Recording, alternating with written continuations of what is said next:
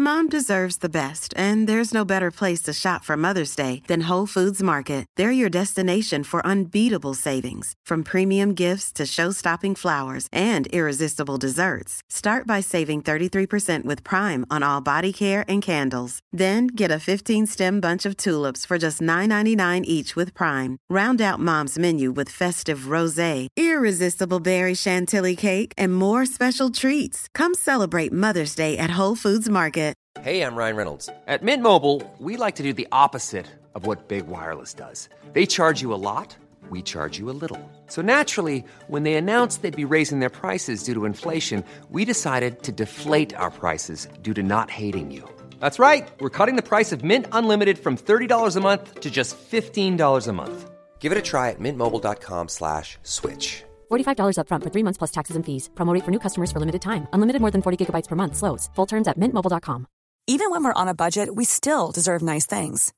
Quince is a place to scoop up stunning high-end goods for 50 to 80% less than similar brands. They have buttery soft cashmere sweaters starting at $50, luxurious Italian leather bags, and so much more. Plus, Quince only works with factories that use safe, ethical, and responsible manufacturing. Get the high-end goods you'll love without the high price tag with Quince. Go to quince.com slash style for free shipping and 365-day returns.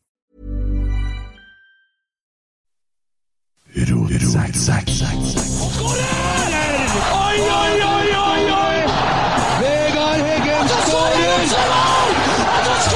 Og Rosenborg leder et nydelig angrep! Et nydelig angrep! Til bakken og Vegard Heggen her. Se det synet! Se det vakre synet!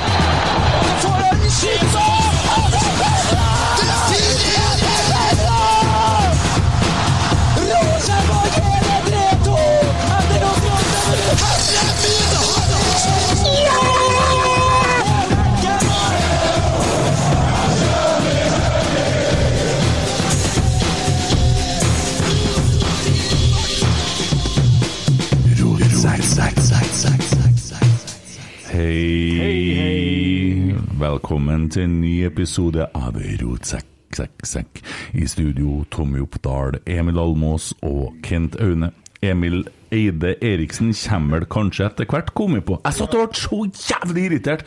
Faen ble det sånn, da! Vi har jo sittet her i ti minutter, vi nå. Ja. Der, ja. Lyd på meg òg, ja. Sorry. Ja.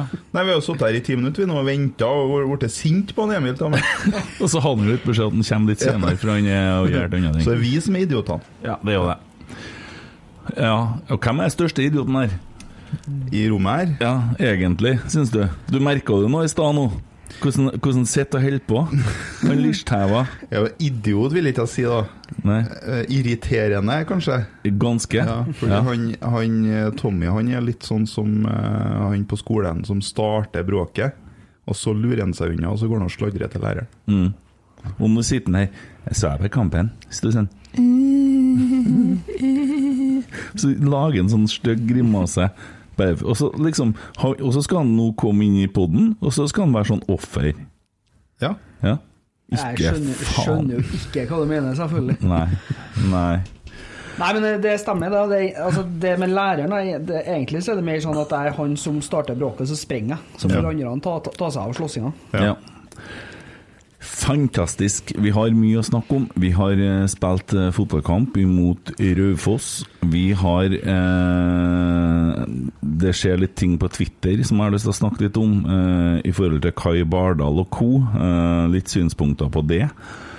Eh, vi har en fusjon pågående som jeg har lyst til å bruke litt tid på. Eh, ja. Det blir litt om, om det. Og så har jentene spilt kamp i dag og slått eh, Stabæk 3-2. Jeg har sett kampen. ja. Ja.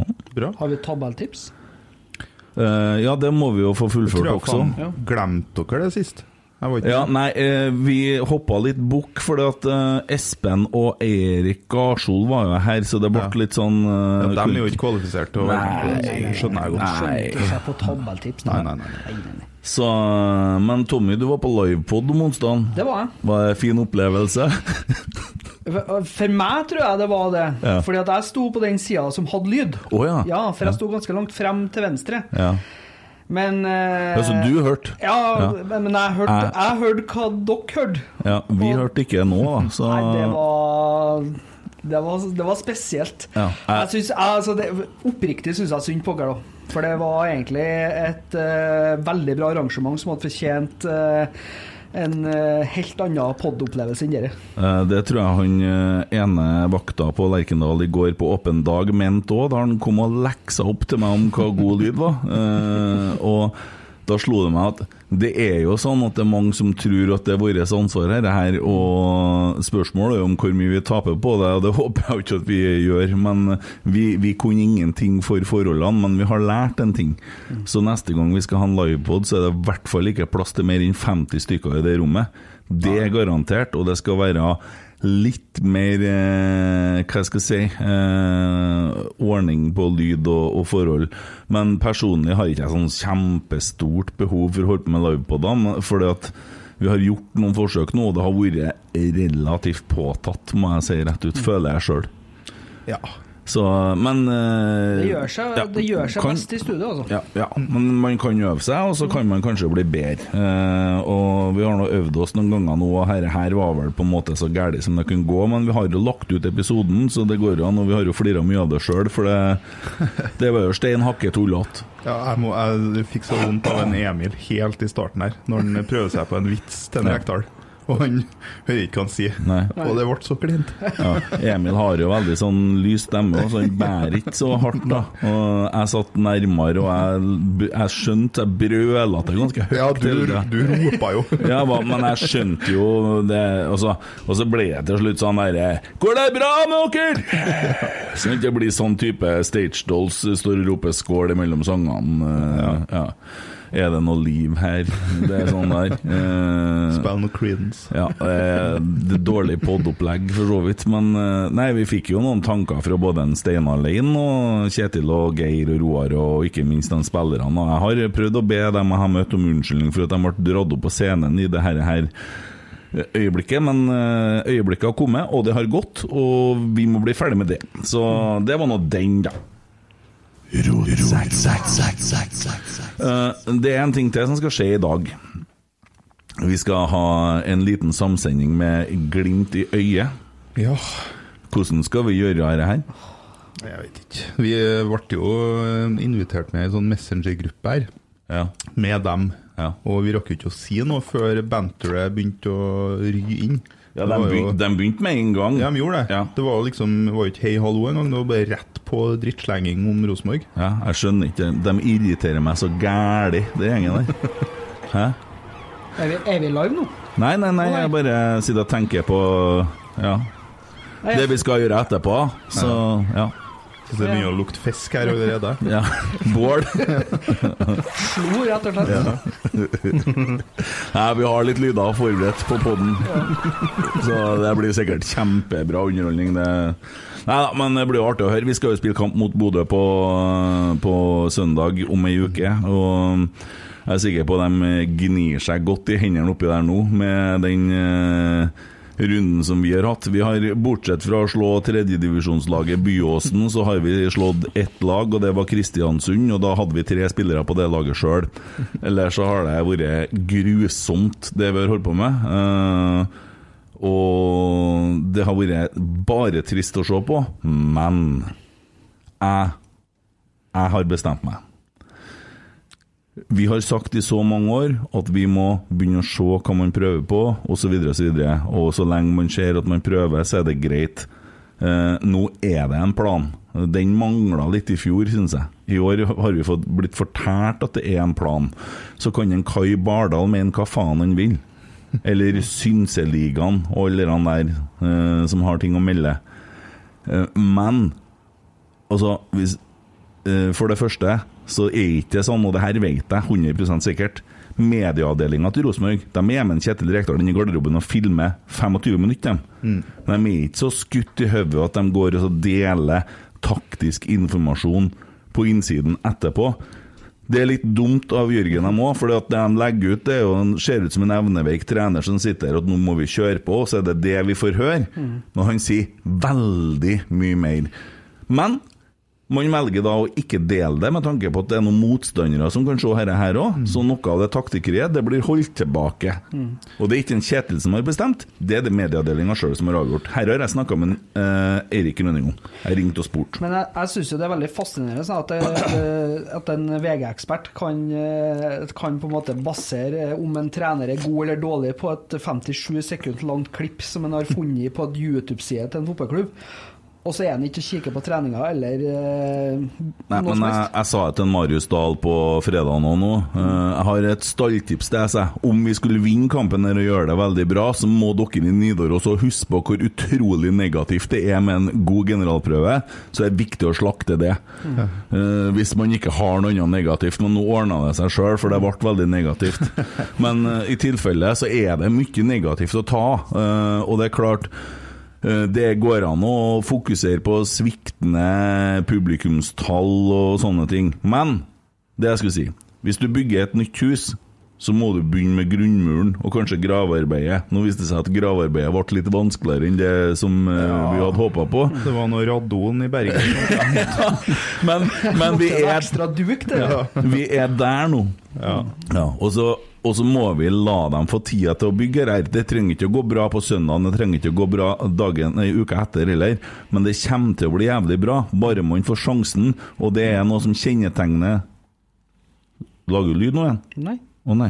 Eh, bare, er det noe som kjennetegner lag med suksess, så er det kontinuitet på trenerne. Og Uh, vi kan spørre her, her uh, skitfolkene vi skal snakke med etterpå, hvordan det var til dem når hun kom inn med glassøyet. Ja. ja, han holdt jo på å fikse sparken den første sesongen. Ja. Eh, og jeg kommer til å være Jeg tenker jeg skal være litt bad, altså. Ja, det må det bare være. Ja, det har jeg lyst til, ja. Men eh, så, så for meg så er, er alt det der eh, tullet det Jeg skjønner at journalistene Og jeg skjønner Jeg blir jo redd. Jeg kan jo ikke si at jeg får kjempetrua på det laget her når jeg ser det jeg ser, men så er jeg og ser på treningene, og det ser jo jævla bra ut. Men jeg, men jeg så noen som eh, Jeg, jeg skrev jo det på Twitter her, at det, for det ser jo oppriktig bra ut på trening. Men så var det flere som skrev at Men kan det hende da at det ser bra ut fordi motstanderne på trening ikke er bra nok? At de ikke fyrer opp nok. Ja, Eller at de, at de rett og slett ikke er gode nok, da. Det er de eh, elleve nest beste på Rosenborg. Ja, men det er, jo, det er jo Er det mange nye spillere, da? Ja ja, det er masse unnskyldninger men, her. men, er det men, mange, er det eh, mange i forhold til i fjor? Det er jo ikke så mange nye spillere. Vi holdt av Bodø-Glimt uavgjort to kamper i fjor, vi. Ja da. Ja, vi slo Odd 5-0 osv. Vi har jo potensialet. Potensialet er jo i stallen. Det er ikke spillerkvaliteten som er problemet her. Det er å få Nei, ja, ja. laget til å fungere som et lag.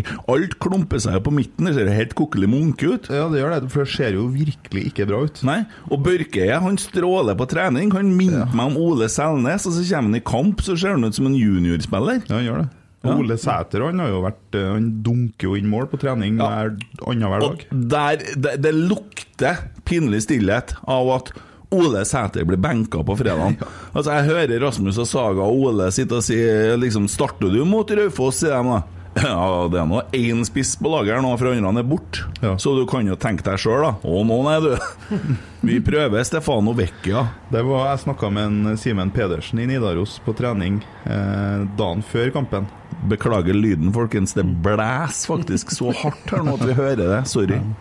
Og da så sa han eh, faen, nå hadde jeg forbereda en gladsak. For da skulle han skrive at nå skulle Ole Sæter endelig få muligheten Ja. mot Raufoss. Mm. Og så kommer han på trening, og så ser han en Vecchia. Så da ble det ikke noen gladsak likevel. Nei, det var, det var kjipt. Det var jævlig kjipt. Syns Ole hadde fortjent det. Men det var faen meg kjipt å stå og se den kampen òg. Ja, fy faen, det var kjipt å sitte og se nå. Ja, Det jeg ble forbanna. Det var ikke noe likere å se den på TV, nei. Nei. Det er seks nye spillere da, Ja. som har kommet i år. Jo, jo, men se i elveren, da. Også, øh, vi har nå fortsatt Carlo Vecchia og osv. Så, videre, så, videre. så Og dem som har kommet, er vel tross alt en forsterkning. Skal være. Skal være det, ja. Ja, ja, ja. Men det Sånn hjelper at- ikke hvis ikke de får det til. sant? Nei, nei, men det går ikke an å si at spillerne er så dårlige at når vi spiller bra på trening, så er det fordi at de spiller mot dårligere spillere, og så sliter vi mot Raufoss. Det er klart at spillerne på Raufoss er dårligere enn spillerne på Rosenborg. Det er Jo, jo ikke det var ikke det jeg mente, men at det kanskje har sett så bra ut på trening fordi at kvaliteten ikke er god nok, da. Mm. Jeg, jeg, jeg blir i hvert fall litt betenkt, da. Ja. Det er ikke, ikke for å skjøte ned laget helt her, men, det- men, jeg, men jeg blir litt betenkt. Ja, ja, det er klart det. Og, men også, vi må tåle Vi må tåle litt for at vi begynner på nytt. Vi bygger på nytt, og vi starter en plass nå. Og så er det sånn at folk mener at det her holder ikke mål. Nei, hva er alternativet nå? Og så Vi er fortsatt i prisisen, og du kan tørke deg i ræva med å komme med det positivsnakket og rotsekk og sånne ting, for det er ikke det jeg mener. Men altså, det som er poenget, er at vi er i presisen. Vi har forsøkt å skape positivt engasjement. Klubben har ikke gjort det. Det, det er ikke, altså, da mener jeg med spillet. Det er ikke akkurat solgt noe sesongkort på godt spill her.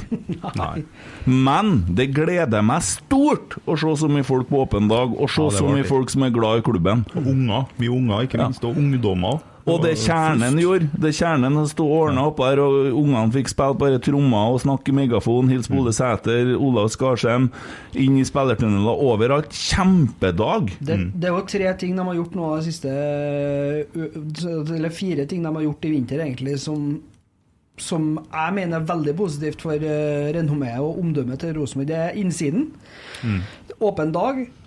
Så hadde du avsparksfesten. Var tross alt eh, veldig hyggelig å være der, mye folk. Og så er det veldig gledelig å se hvor mange som er på et medlemsmøte og er engasjert i klubben. Ja, Det medlemsmøtet skal vi holde an litt, og så skal vi ta å det liksom- etter ja. vi har snakka med guttene som sitter i lavvoen oppi Nei, De sitter jo ikke oppe i nord, eller de bor da andre plasser. Ingen ja. som vil bo i Bodø. Nei, nei.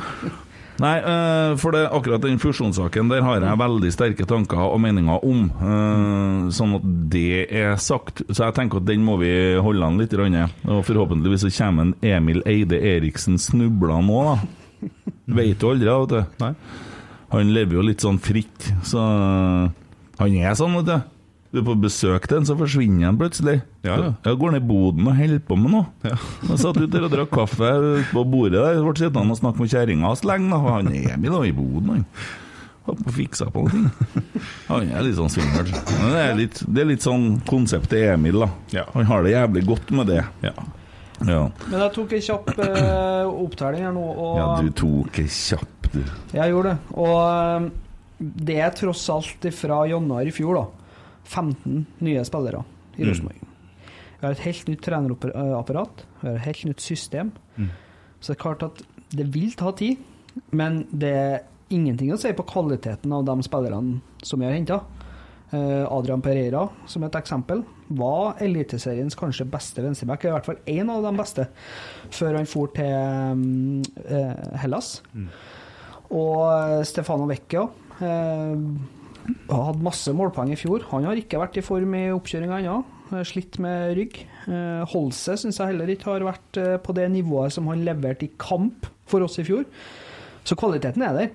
Og en Viktor Jensen nå, veldig spennende sammen med Børkeie. Så kvaliteten er der. Det, er, det, er, det handler rett og slett om sjøltillit og trua. Ja, det, Jeg tror det mye ligger der. Det gjør nok det, og så må de, må de vi, vi, må, vi må se at det, at det er en plan som går igjen Mm. eh, kamp etter kamp, at vi kjenner igjen laget. Og det har ikke jeg gjort så Eller det har jo vært jevnt over dårlig. Altså. Jo, men du har jo sett en glimtvis i noen kamper. Ja, du ja, har jo sett tanken Nei, nei, men du ser jo hva de prøver på, du skjønner hva de tenker. Ja, har jo fått det forklart. Innimellom så gjør du det. Tanken er god, men gjennomføringa er ikke Nei, god nok. Nei, men det, altså, må, nå- det må gjennomføres kamp etter kamp etter kamp. Det må Vi- se likt ut. Vi vet jo hvordan de ønsker å spille. Det har de jo fortalt oss. Ja, ja, ja, det har de tegna og fortalt oss. Og så må de vise det. Ja, og så ser du Går det bra, Tommy? Der er meg Jeg gjør sånn i stedet. Der er meg fyr. Mista ereksjonen, mikrofonstativet til. Tommy. Ja, nei, og så- og så tenker jeg at vi ser det jo glimtvis i noen kamper. Etter, etter 20 minutter på fredagen så ser du at eh, Rosenborg tar over, og så begynner vi å spille litt sånn, og så Ja. Men så er det sånn forklaringer, skal øve på å ligge lavt, bla, bla, bla, bla, bla. Og så blir det sånn ah. Men samtidig, da, når det først skal gå til helvete, så er jeg glad at det gikk til helvete på fredagen. Ja, ikke neste helg, ja. Se for deg Ja, men jeg, Det kan jo godt hende at det gjør det, vet vi ikke noe om. Jeg tror ikke at det går til helvete, jeg. Nei. Nei, men lell. Hvis vi har vunnet 5-0 nå på fredagen, så har vi kanskje reist opp til Bodø og trodd at vi var gode, og det er vi ikke. Nei. Nå Nei. er vi jo faen Rosenborg er jo underdog i i hvert fall to av de første tre kampene. Ja, det- men det er helt i orden. Ja, jeg òg syns det. Ja. Det er, jo, det er jo litt eh, Det er jo mange år siden der vi ikke kanskje har blitt tippa på topp av samtlige aviser og eksperter. Mm. Ja, I hvert fall topp utafor medalje mm. av samtlige aviser bortimot. Det er nå vi skulle folk, eh, skulle ha denne quoten fra en Rocky nå. Det er ikke om hvor hardt du klarer å slå nå lenger, å være supporter. Det handler om hvor hardt du klarer å bli slått, og hvor mange ganger du tåler å bli slått Når og klarer å reise deg igjen. For det kan hende at vi får oss noen kavringer før vi klarer å stå skikkelig. Uh, og jeg er med. Ja, det er jeg òg. Og jeg, jeg, jeg, jeg innser at Rosenborg er per nå ganske dårlig. Mm. Og jeg er sint på dem, og jeg er skuffa. Men jeg er jo like glad i dem for dem. Ja. Og jeg skal jo på kamp på Lerkendal om 14 dager. Jeg gleder meg til det. Ja. Men eh, jeg, jeg, ja. Så det går an å kombinere de to der òg. Ja, det Jo. Seriestart altså på Lerkendal, det, det er stort. Det gleder jeg meg til. Det er ikke seriestarten på Lerkendal, da, men ellers har du rett. da Det er Jo, jo, men første hjemmekamp, da. Ja, ok. Ja. Ja, det er. Andre serierunde. Andre Mm. seriestart. Å ja, er det det? Andre seriestart, faktisk. Ja. Det er første seriestart på bortebane, og så er andre seriestart på hjemmebane. Og er det sånn det, Ja, ja, ja. er sånn det heter? Ok. Ja ja. Går det bra med deg? Nei. Nei. uh, nei, men jeg tenker at det, det kan ta litt tid ennå, og så er det om hvordan vi står i stormen. Og så håper jeg at folk blir med oss og står i stormen. Og egentlig, hvis folk ikke gjør det, så er det jo greit. Det kan man jo velge bort. Og så kan man jo velge å sette seg og få et par klikk på noen sosiale medier og slakt og være sånn. Men det som irriterer meg, det er alle de nedlatende folkene som mener at de kan ting bedre. Og eh, eksempelvis Kai Bardal, da, med den oppførselen som han har nå, som ikke har vært og kikka på noen ting. Han blir jo invitert, og så blir Jørgen slakta, og, og så jeg syns det er urettferdig, for det er folk som eh, står på hele tida veldig hardt for at ting skal bli bedre, og så ja, skal du pisse, så trenger du ikke å pisse på brakka. da Hvis du holder med Rosenborg, i hvert fall. Du kan jo finne en annen plass. Det er mye annet vi kan pisse på rundt omkring. da Og så er det jo ikke sånn at det brenner på dass, som noen sier, da. Eh, og hvis det nå er sånn at det brenner på dass, så er det dumt å prøve å slukke det med bensin. Ja. Ja. Nå tror ikke jeg han eh, VG-journalist Kai Bardal er ute etter å slukke i hele tatt. da. Nei, nei, nei, nei. Nå snakker jeg, nå snakker jeg generelt. Jeg, Ja. jeg leser om ting som jeg har lest i det siste. Uh, men også Nei, han er jo ute etter å få klikk. Ja, han er tenker jo på sin jobb. Nå syns jeg det er litt synd ja, akkurat når det gjelder han, fordi han er jo i utgangspunktet en ganske intelligent og fotballklok mann. Han Mm. kan jo mye, både om fotball og futsal. Kanskje han er anti-Kjetil Rekdal, da? Da passer det han jævlig bra at det går dårlig nå? Kanskje? Det kan jo hende. Ja. Eh, Jeg syns jo han blir på grensa til usaklig. Det det er jo fullt lov å kritisere Rosenborg, Mm. og det skal han jo gjøre òg når det går dårlig. Men, men det blir litt eh, sånn som i dag, var ikke han som skrev at det var at Rekdal hadde ti av ti på på eh, fotball, eh, et eller annet, og så hadde han null av ti på taktisk kunnskap. Ja, men det er jo det som teit å si. det er veldig teit å si. For det er feil! Ja, det er det. Ja, og det var da jeg ringte Eirik Grønning og spurte. Ja. Er det sånn at de snakker taktikk, eller er det sånn at de ikke snakker taktikk? Jo, de snakker taktikk, vi får til med film det, men vi har bare valgt å ikke sende det pga. at vi vil ikke at motstanderne skal høre det. Det er jo logisk. Ja. Ja. Og så er Kai Bardal er jo, han er vel eh, assistenttrener på lands, futsal-landslaget, tror jeg. Så han har vel, vet vel litt hva som foregår i en garderobe, og hva som blir sagt. ja. Men uh, Jeg kan jo ikke si at jeg har sett så veldig mye klipp fra verken Bodø eller eh, Oslo eller Lillestrøm eller i en, i en pauseprat der, der de eh, viser annet enn det de vanlige flosklene om at vi må ha balanse og Jo, men jeg syns òg at uh, Jørgen og Eirik og Adrian de kan slutte å legge ut sånn der Kjetil sitter på en stol og ser evneveik ut. Da Da må jeg heller la være å legge ut noe derifra. Fordi at å, å høre 'vi er bedre enn det her', eller 'nå må vi ta oss sammen', ja, det skjønner vi alle, og nå begynner folk å bli redd. Jeg begynner å bli redd. Jeg hadde steintungt på, på fredagen. Det, altså, det, det er klart at jeg klarer ikke å beholde trua på at dette her skal gå veldig bra nå, men jeg har trua på at det blir bra etter hvert. Ja, Ja, det da, er jeg enig med deg i. Ja, Det er sånn det er. Og da må man tåle det. da Det var noen her før også som brukte å- altså, Han, eh, Svein Målen sa at Nils Arne sa at du kan ikke drive og øve deg i Rosenborg, vet du. Men det gjorde han Nils Arne òg, det. Han begynte å øve seg i Rosenborg en gang i tida, han òg. Ja. Vi var ute i Europa og øvde også. Det er jo hele tida å øve seg. Klart det. Og nå må vi øve oss på å tåle å være der vi er, og så får man jo finne ut om man er glad i klubben og går på kamp eller ikke, da. Og så er det noe Ja. Så kunne forventningene være litt lavere, da. Greit nok, det. Men øh, ja. Ja. Jeg elsker Rosenborg, jeg. Jeg blir med ned igjen hvis jeg skal til. ja, det gjør jeg òg. Ja. Satt der og så på 16 kamper med en Perry i 2012.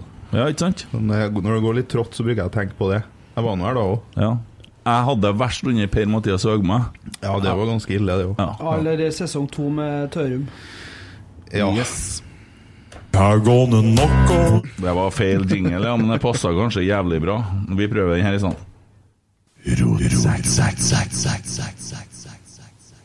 Da har vi fått med oss eh, eh, en eh, Hva skal vi kalle det? En slags eh, brorpod Nei, jeg kan ikke si det. vet du. Nei, nei, nei, nei, nei, nei. Lill... Nei. Vi har fått med oss Glimt i øyet, som er på en sampod en liten stund her. Og her sitter en gjeng med Jeg vet ikke hva jeg skal kalle dem. Uh, har du noe forslag, Emil? Det er jo flotte gutter, men, men, da. Ja, men se, beskriv det du ser på skjermen nå, så skal jeg lage litt effekt samtidig. Ja, greit.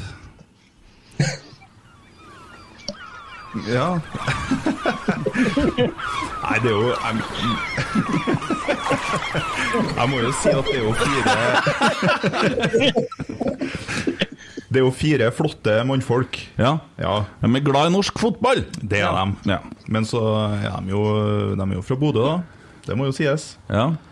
Jeg, skulle, jeg sa til en Tommy her i stad at farmora mi hun var jo fra Sortland. Fra Vesterålen. Skal du begynne sånn nå? Nei, men hun var, så var tater òg. Så heldigvis, da. Så hun fikk eh, Isn't everyone? altså, nå skal vi Gutter. Det er to av oss som er fra Eller to av oss fire som er fra Bodø, og jeg er ikke en av de. Å nei, hvor er du fra du, da? Jeg er fra Lofoten. Jørn Sund Henriksen fra Lofoten. Hvor hen på Lofoten, da? Jeg vet, Det er veldig veldig lita bygd med ca. 60 innbyggere, men det har et interessant navn. Ja. Um, det heter Gravermark. Hæ? Og det tenker jo folk gjerne at det har noe med graving å gjøre. Men det er graværmark. Og det er for at nabobygdene hadde værene sine til å gresse der. Så værmark. Oh, ja, ja. Grav, grav betyr kåt, så det er egentlig kåtværmark. Ja, ja, ja. Så det er ikke min feil, det ligger i jordsmonnet. Ja, herlig, herlig. Jeg har vært og spilt mye oppe i Lofoten, sjø. Så helt ned på Å, faktisk. Og Ballstaddagene og ja, litt Ja, ja. forskjellig. Ja, ha-ha. Ja, men det er flott, det. Altså, jeg er- føler jeg har det beste av to verdener. Jeg får både lov til å være Glimt-fan, men jeg er ikke fra Bodø. Ja, ja, du slipper å bo i Bodø. Gå ut på Molom og se. Det er ikke så mye å se. Nei, jeg har vært i Bodø én gang. Jeg husker ikke mye av den. Fint inne på glasshuset her, da. Husker, ja, kan godt hende. Har vært og spilt der òg. På Stage, må jeg hete. Det er mange år siden. Ja, så klar til kamp på søndag, da. Ja. Jeg vet, ikke, Er dere helt klare? Ja, vi har jo hatt en eh, Vi har jo en taktiker av en trener som har eh, drevet og spilt poker nå i to måneder med hele Norge, så øh, Og ja, det blir jo spennende å se. Det er klart, det her er jo bare spill for eh, galleriet, så vi har jo Ja. Ja, ja, ja. Det er noe med en dårlig generalprøve. Sa Ja, det, det, det er vel litt sånn at en, god, eh, en dårlig generalprøve gir en god premiere. Og eh, vi er jo livredde i, studio for at det her kan Ja, det skjønner jeg. Nei, eh, hvis Dere slo oss ikke i fjor, eh, for da var det to uavgjort-kamper. Men eh, er det noen gang Bodø-Glimt skal slå, klare å ta Rosenborg, så må det være eh, neste søndag, vil jeg tro. Eh, dere er ganske i dytten, og vi går kanskje litt i oppoverbakke og holder på å bygge ting på nytt igjen, så det føles litt som vi er der dere var da Kjetil Knutsen kom til Bodø-Glimt, for det var vel ikke bare rosa, var det? Eller gult og svart, eller hvilke farger dere bruker? Første året var jo det. det. Første året jo, gikk det jo ganske greit. Det var jo det 2018 etter opprykket som var litt rufsete. Eh, Men det er jo litt sånn, når man da ser de underliggende tallene, så var jo de egentlig veldig bra. Ja. Det som var problemet, er at vi ikke hadde en spiss som skåra mål. Eller vi var vaksinert mot å skåre mål, så det var 35-35 målforskjell der omkring. Ja. Det er det vaksinen vi har brukt litt i år, da. Eh, Ikke bare i år. Nei, fikk jo korona, så brukte de den vaksinen. Men han holder på å få sparken, uten og- eh, i 2018. Hvis du søker Knutsen out på, på Twitter, så finner du en del tweets fra 2018. Ja. Ja, altså det, det, var jo, det, var jo, det var jo en gjeng som ville ha han ut da, da. men eh, så var det jo det at de fleste klarte å se det at forsvarsspillet satt. Og så hadde vi en angriper som heter Amor Leoni, som bomma noe så inn i helvete på sjansene sine. Eh, var det lov å si det her? Men eh, Nei. og så Eh, så, så det, det, det ligger jo litt i det. Og så hadde vi Fardal Opseth som ikke var bevegelig, og, eh, og, og, og den biten der. Eh, Han hadde jo skåra et par og 30 mål i Obos i 2017, men det var vel kanskje ikke helt akkurat der i Eliteserien 2018. Så, så vi slet litt foran mål, men forsvarsspillet begynte å sette seg. Og eh, begynte å se litt konturene av at, eh, at ting var på vei. Men allikevel så var det mange som mente det at han skulle eh, ta bagen sin og, og fly. Men eh, eh, det, var jo, eh, det var jo også det at eh, han sa jo, har sagt sjøl, hvis han hadde rykka ned det året, og vi var ikke langt unna Vi klarte jo uavgjort på Lerkendal, faktisk. Men, men da, da hadde han tatt bagen sin og reist. Så det var egentlig veldig nært at Kjetil Knutsen var tilbake igjen i Bergen by allerede i 2011. Mm.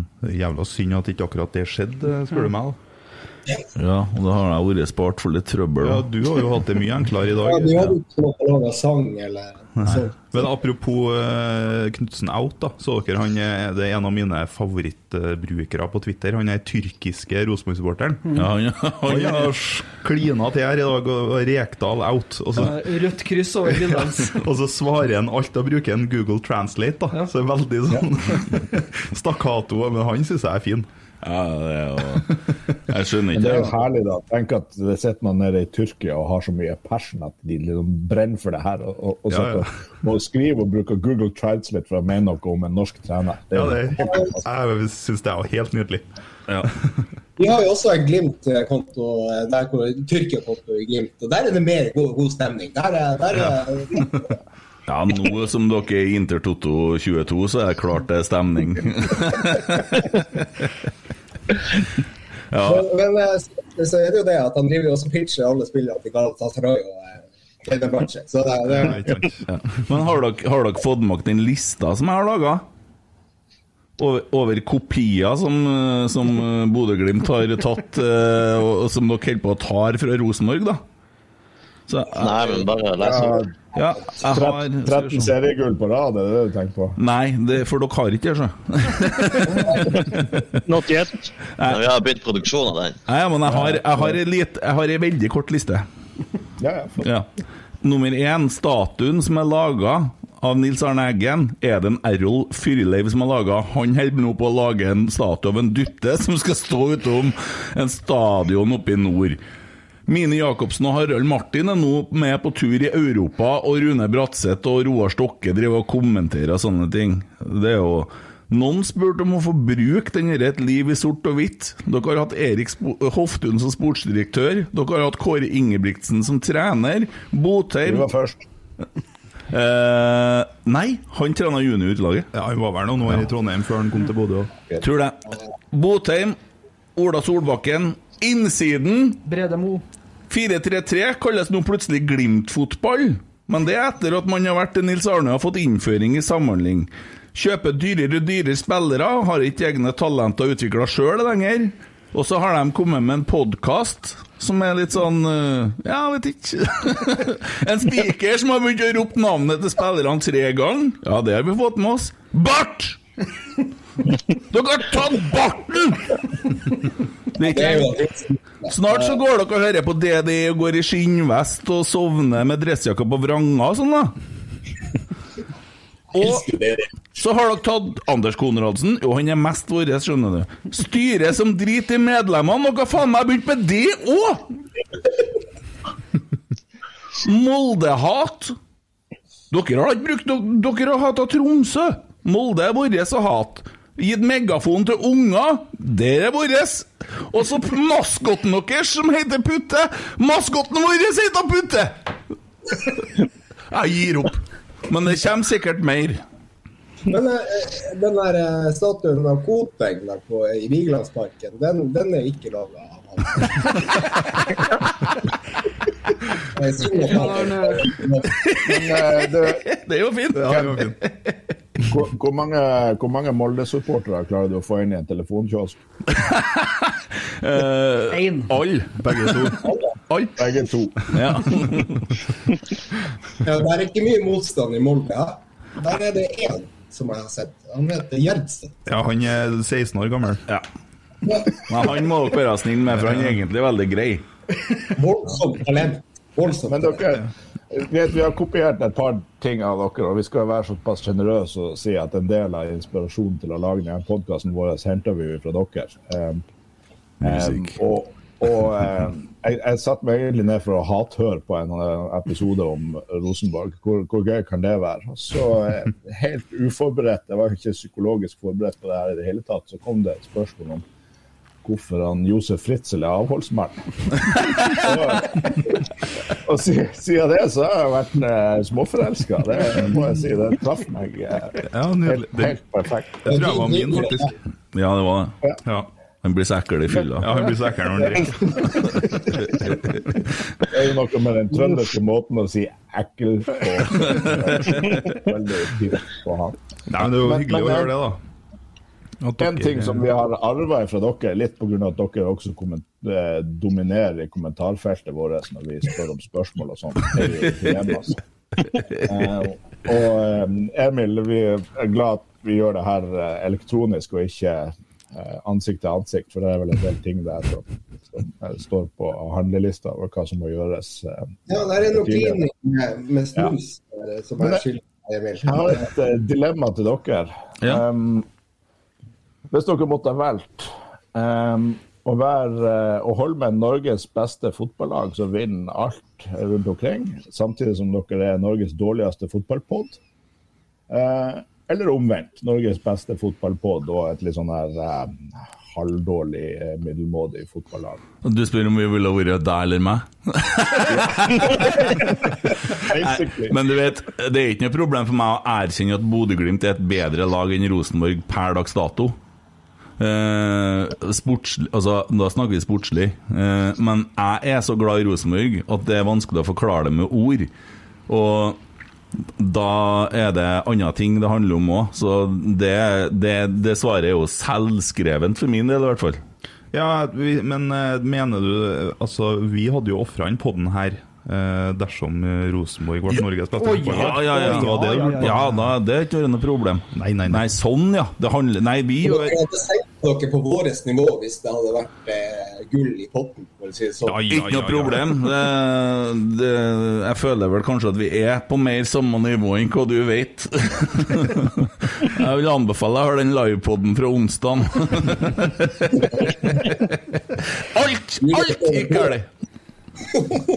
Nei, jeg har, en, jeg har- en liten greie til dere. Vi kan begynne litt, litt sånn halvveis seriøst. Jeg bare tenkte Eller er det seriøst, det her? Eh, nå skal jeg spørre Rosenborg-gjengen først. Altså eh, Emil, Tommy og Kent.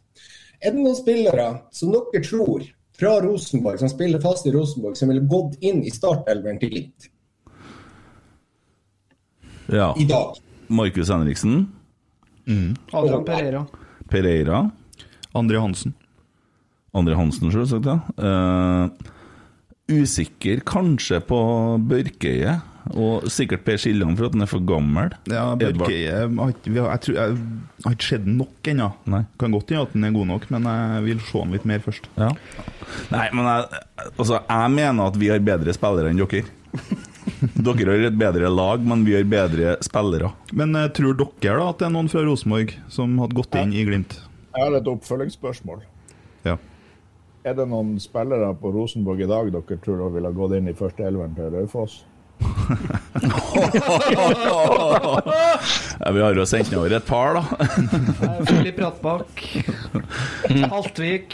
Haltvik. Ja, Sjølsagt samtlige, men vi, ne- Nevøen til Trine Haltvik. Okay. Vi sliter litt med å få laget til å fungere, men spillerne individuelt er dritgode. Og så har man masse forklaringer, men det er det er, viser seg at eh, det å skal bygge et hus på nytt støtta bort litt utfordringer når vi holdt på med gravearbeidet her. Det ble litt eh, mer Hva sa? Radon? Ja, de fant radon i Bergen. Så det ble, ble litt mer eh, Tok litt lengre tid. Ja. Men det, altså, det, det Fortsatt så er Rosenborg vunnet mer enn alle andre til sammen de siste ti årene i Norge. Eh, og vi snakka om en femteplass i fjor, og det, er- det, er, det er krise for oss, ikke sant? Uh, for det er fryktelig mye ting i omløp her. Altså, så eh, vi hadde åpen dag på Lerkendal på lørdag, og det var 5000-6000 på åpen dag som for å gikk rundt og var med på ting. Altså det, det er mer folk å se på gatelaget på Lerkendal her enn hva de har sett på Molde på Aker stadion. Så, Men altså, jeg skal bare ta den der Du sa Per Pereira. Han er venstreback. Ja. Eh, Der kan jeg være delvis kanskje enig. Eller er det noe, hva dere tenker der, gutta? Han Pris eh, Det er en Wemba- Wembangomo som er der, ikke sant? Yep. Jeg syns jo, ja, jo at han har en Han ser jo Han har jo en helt sinnssyk fysikk, eh, men han slår jo en 14-16 feilpasninger hver kamp. Så litt sånn todelt. Eh, Han ser jævla spennende ut, det skal jeg innrømme, men eh, Men nå må, vi, nå må vi jo tenke som en, den eh, Rosenborg-spilleren skal inn i det systemet som det velsmurte systemet. Ja. Og jeg tenker jo Hadde eh, Pereira blitt bytta ut med Wembangomo på den venstrebacken, da hadde Pereira vært god. Ja, det tror jeg òg. I utgangspunktet så tror jeg Pereira er en bedre fotballspiller enn en eh, Men nå er det vel sånn at Bodø har såpass mye penger at dere har begynt å kjøpe litt mer klassespillere, kanskje? Så litt mer Det er individuelle. Bodø er et håndballag. Hæ? Du sa Bodø. Bodø er et håndballag. Du må si Glimt hvis du mener håndballag. Oh, ja. Glimt er jo bare et blaff. Jeg syns jo det er et klønete navn. Glimt er jo bare et sånt flash. Det er jo sånn forbigående. Du må, det, det, det, det er noe første jeg kunne gjort, å bytte navn. Nei, men jeg, jeg vet ikke hvor vi har henta så dyre spillere. Den dyreste vi har henta, er 4,5 millioner. Og jeg vet ikke, Det er vel månedslønna til han Henriksen. Henriksen har vi ikke råd til uansett. Jeg så du har satt ham på lista. Hvem han skulle tatt nå? Skal han ta, ta Høybråten eller, eller Mo? Brede Mo? Brede Moe han er snart ferdig i Bodø lell, tror jeg. Og da tror jeg at uh, Jeg tror han Henriksen er en bedre stopper enn en Brede Mo vil vi se i løpet av året. Det er jeg sikker på. Ja, jeg er helt sikker på Jeg har jo sagt eh, flere ganger at Henriksen spiller på landslaget til høsten, som midtstopper. Ikke som spiss gjør gangen. Men du må huske på at vi har vært gjennom dette her, for vi har hatt en sånn elver, sånn type opplegg, sånn 4-3-3-elver, som dere har nå, hvor det var dritbra lag, og så begynte vi å selge enkeltspillere til andre klubber, så ja, for de til sånn uh, Sveits og Skottland og sånn, så ble det ingenting med dem, for de funka ikke i noe annet lag enn i Rosenborg, og det har jo kanskje dere òg sett litt konturene til. Sånn at Vi har, ikke, eh, vi har jo ikke solgt enkeltspillere, vi har jo solgt hele laget fire ganger. Det er vel bare han Brede Moe og han Ulrik Saltnes som er igjen. Ja, og da har du noen kontinuitetsbærere her som jeg tror er viktig, og det var viktig for dere at han signerte en langtidskontrakt. Og han eh, Saltnes, da. Men, eh, og, og det er jo viktig å forvalte det nå, og så skal dere jo begynne å gjenskape suksessen, og det er jo den vanskeligste øvelsen som er. Og så nå begynner spillerne å kreve ting snart, skal du se, så får du kok. Det, og folk begynner å ønske seg bort, og sånn og sånn og sånn. Bare, sånn. bare vent til første spilleren begynner å si at han føler seg som luft. Mm. Da er showet i gang. ja, ja, men altså, det er jo poenget er jo det at det har vi jo alle. Eh, alle spillere i klubben ønsker seg på et, på et eller annet vis bort. Eh, så, så der tror jeg egentlig ikke det blir en sånn overraskelse for oss eh, der. Eh, men eh, vi får jo inn nye. Det er jo det som vi har gjort allerede i år. Vi har fått inn Bris, vi har fått inn eh, Takk for Anders Konradsen. Han tror jeg skal få stell på. Han har jo mye å lære, som han sa på TV til Mini. Og så, og så er det jo da veldig spennende han Vetti fra, fra Sarpsborg. Så vi har jo en veldig spennende rekruttering også der, som ikke er for dyr. Jeg mener at det er riktig. Altså, Har dere mange fra Bodø, fra eget akademi, i laget? Akademiet vårt er spredd utover hele Europa, så det er vanskelig. ja, vi har jo det i Bergen, det hadde vi tidligere i Åsane. Det, det var ingen. Men eh, det du nevnte med at uh, spillerne begynner å si at de føler seg som luft og, og sånne ting. Jeg tenker en, en veldig sånn Jeg tror det er en veldig underkommunisert bit av trenervirket til Nils Arne Eggen. og noe jeg føler vi begynner å se konturene av han Kjetil Knutsen også, er jo eh, det mellommenneskelige og det vi i moderne næringslivet vil kalle for HR. Jeg Mm. tror at det er ingen som føler seg som luft eh, rundt Nils Arne Eggen. og det å, å, eh, å ha et bevisst forhold til at det her er ikke bare fotballspillere, men, men mennesker.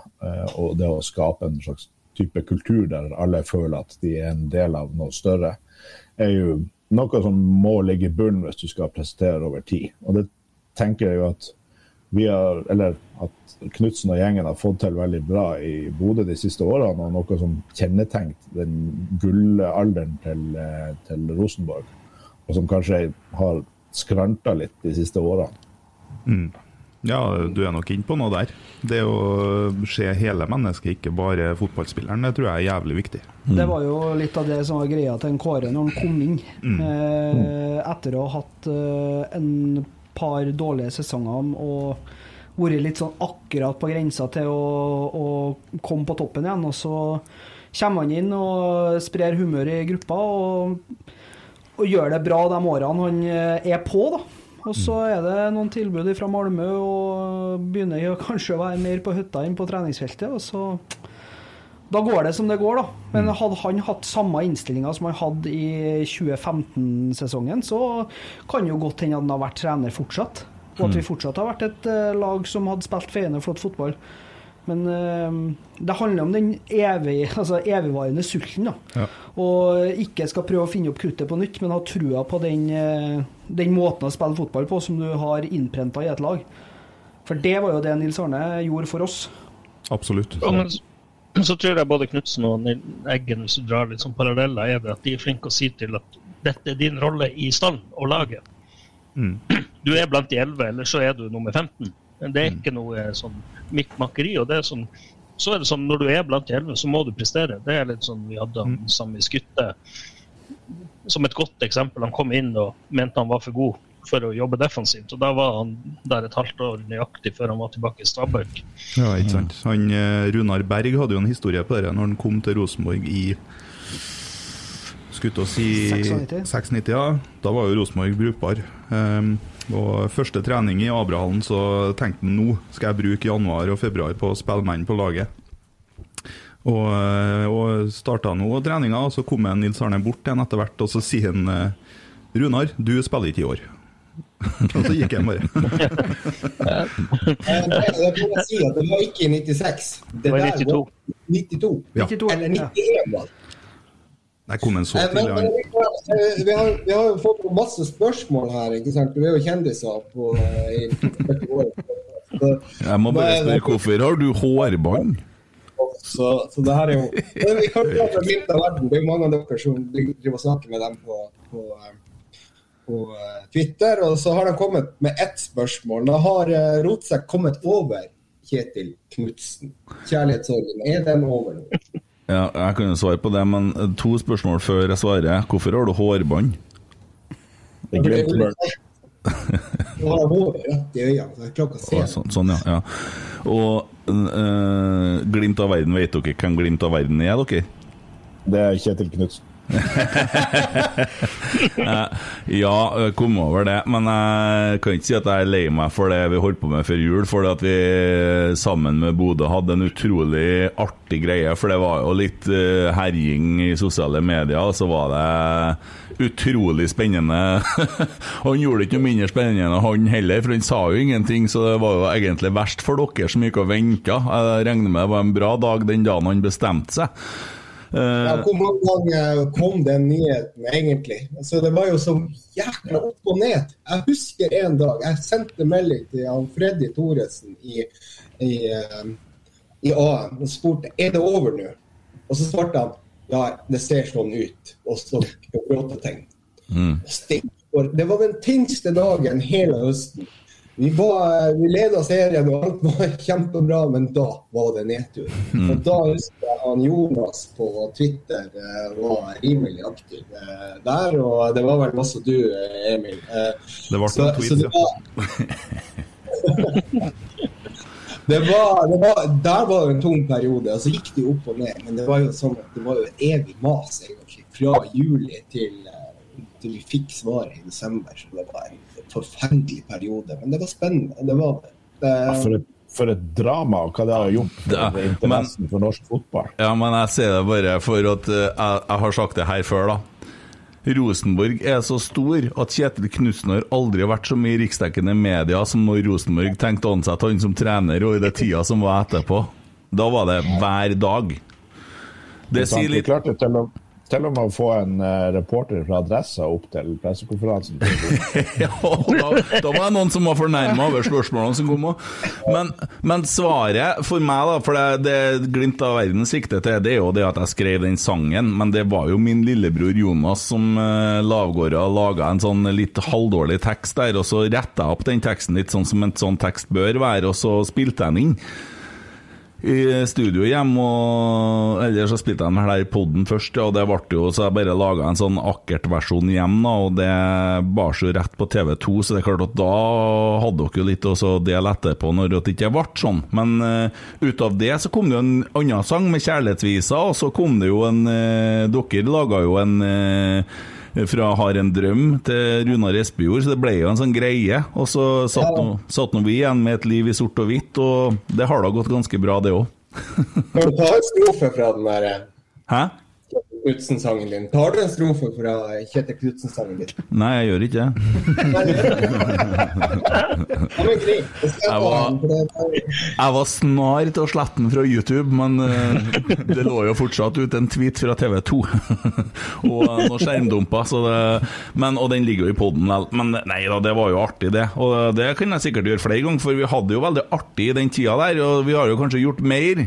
Vi gjengen eh, på skjermen her da, enn hva Discovery har gjort ennå i år, i hvert fall.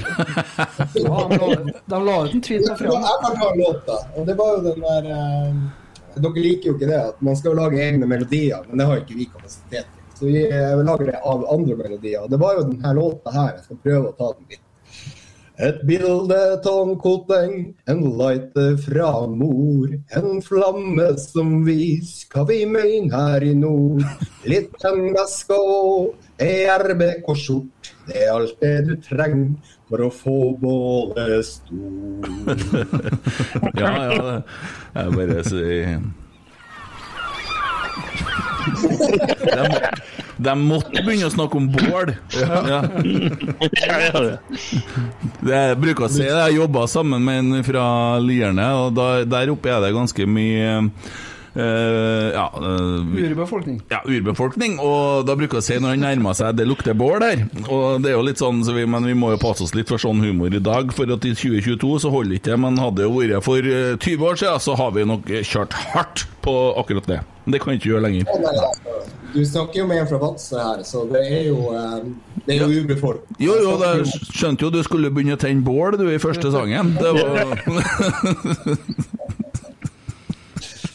Men gutta, vi har jo masse flere spørsmål. enn Noen av dere andre som har kontroll på Twitter, for, for de trådene er jo helt håpløse å holde kontroll på. Men mens, mens noen leter frem neste spørsmål, så vil jeg bare si at på, i fortsettelsen av denne eh, Twitter-feiden vår rundt han Knutsen, så har det jo Altså, Vi har på en måte holdt oppe stimen etter det. og jeg, Gjennom vinterpausen og sånn, så har det jo vært mye ja, godhjerta hets, kan man jo kalle det, frem og tilbake. og det er jo det er jo trivelig, for at eh, det er jo så sjukt kjedelig med Premier League, med oligarkene som kriger og sånne ting. Så det å, å kunne ha noen å, å diskutere og slenge drit om norsk fotball eh, med, er jo veldig artig. Men så er det jo sånn at det er jo noen andre lag og noen andre fans i Norge òg, og fra tid til annen så kommer det jo så mye rart. Det kommer av og til noe slengende fra noen Enga-fans og fra, fra Viking og sånn. Hvor, hvor humørløs går det an å bli? Så går det an å bruke litt grann må- sånn her eh, greie om, hva man skal spise når man er på supportertur, og om hvordan trekningen foregår. den- ærlig talt, det blir jo blodfattig av mindre. Ja, det er jeg helt enig med. Vi, vi har jo snakka litt om det i poden her tidligere. og den der den der supporterkodeksen, hvordan du skal oppføre deg og være når du er supporter. Du skal være sint, og så skal du ha dekket til trynet ditt, og så skal du spise kebab, og så skal du skal ikke stikke deg fram. Og du skal, nei, det er så mye tull. Jeg er helt Ja. enig med deg. Ja, men det er, det er jo dere her harde kjernen eh, har, altså inn, klanen her også er det jo noen det er jo noen sånne i flere klubber, og de har nå sitt miljø og sin greie, og så er nå det en ting. Men det som er synd, er når folk begynner å fortelle andre hvordan de skal være. Og liksom eh, Her er det jo Vi, vi blir jo kalt langsidesupportere, ikke sant? For det er en greie at du skal stå på Øvre Øst, da, og sånn, så det, men det er noen som mener det, sant? Og, og det er nå greit nok, tenker jeg. De, eh, de skal da bare få være i den verden, da. Men eh, det er klart, man Det må være hyggelig for de òg, at det står noen på langsida. Ja, det vil jeg tro, vil jeg tro de synes, alle sammen. Men, men det er jo litt sånn Norsk fotball har jo et problem med å tiltrekke seg nok tilskuere. Det er jo ikke Ja. noe tvil når man ser tilskuertallene. Er- jeg føler det er tre plasser det er engasjement. Det er i Stavanger, der de er best in class per dags dato, hvis vi skal gi dem en shout-out til det de gjør der. Eh, Så er det i Trondheim. Det spørs hvor lenge det går hvis resultatene butter imot. Og så er- det faktisk eh, veldig bra i Bodø nå. Eh, til og med kamper begynner å bli utsolgt. Ikke cupkampene som ikke blir annonsert, men sånn som mot Roma, der er det venteliste. Første seriekamp, venteliste. Det er solgt ut på langsida med sesongkort. Eh, Det begynner å bli vanskelig å få tak i billetter, og det er bra oppmøte på bortekampene. Mm. Så nå tror jeg det er viktig at man også får opp gløden også når sesongen starter. At ja, er det en litt dårlig start, så, ja, så er det viktig å få frem at eh, vi ønsker alle på kamp, fordi at folk er forskjellige. Eh, noen sitter på langsida, noen sitter stille og ser kamp, mens noen står hele kampen og synger. Mm. Jo, men eh, det er nok Vi må nok begynne å plage flere, da. For at det er jo, det er jo altså Viking de har jo kommet noe siste ja, To årene. Ja, litt Ja, de måtte ned i Obos først. Jo, men også har de klart å revitalisere klubben, og så har de en veldig flink eh, markedsavdeling, og så har de gjort veldig mye rett, da, og klart å samle byen om laget, og så er det noe med at du vet at når jeg satt og så kamp i lag med morfar på 80-tallet, så var jo dette veldig stas, ikke sant? Og så var jo det som han eh, sa han på TV-en, det var jo rett, og så var det ingen- skulle jo ha noe melding tilbake, så måtte du jo skrive leserinnlegg til avisa. Det var, ting tok litt mer tid, og du lot deg begeistre litt mer sånn, sant? Jeg så jo, jeg syntes det var stas med Per Egil Ahlsen og alt det her, og Viking Fredrikstad cupfinale og alt mulig sånn, sant? Det var kjempestas. Eh, mens i dag så er det jo noe med at uh, du har uh, De største stjernene sitter jo i studio, altså i, i Discovery, og du har Joakim Jønsson, og Jesper Mathisen og alle de her, og de skal melde seg hardt. Og Kai Bardal, ikke minst, de skal melde seg hardt på bekostning av produktet norsk fotball. da. Så de snakker ned produktet for å på en måte fremheve seg sjøl. Så egentlig så ødelegger de jo den ene merkevaren for å bygge sin egen merkevare, og det er jo latterlig, men alle gjør det. Også lokale medier. Bortsett fra anonyme narkomane, eller hva du kalte det, AN. Eh, de er vel sikkert i dytten nå. Han sa det i stad, han snakka om AN. Jeg gjorde det. Ja, jeg kjenner masse folk i AN, jeg. De har fått mange som har fått hjelp der. Men dere, Frank, han er jo en uh, ivrig twitrer. Eh, Frank Amundsen, Ja. uh, supporter, han som ønsker å være naken hver kamp. Han er litt sånn oppegående, syns jeg. Artig på Ja, tider. ja, absolutt. Det har kommet veldig oppegående spørsmål. Det kan jo bli interessant. Eh, Han har, eh, ønsker at vi skal plassere alle sammen i poden. Eh, både Tommy og eh, Emil og Kent og alle vi andre. Eh, skal plassere Bodø-Glimt, Rosenborg, Molde og Tromsø på tabellen. Eh, og da tenker jeg det at eh, dere kan, vi kan være gjestfrie nok til at eh, trønderne kan begynne.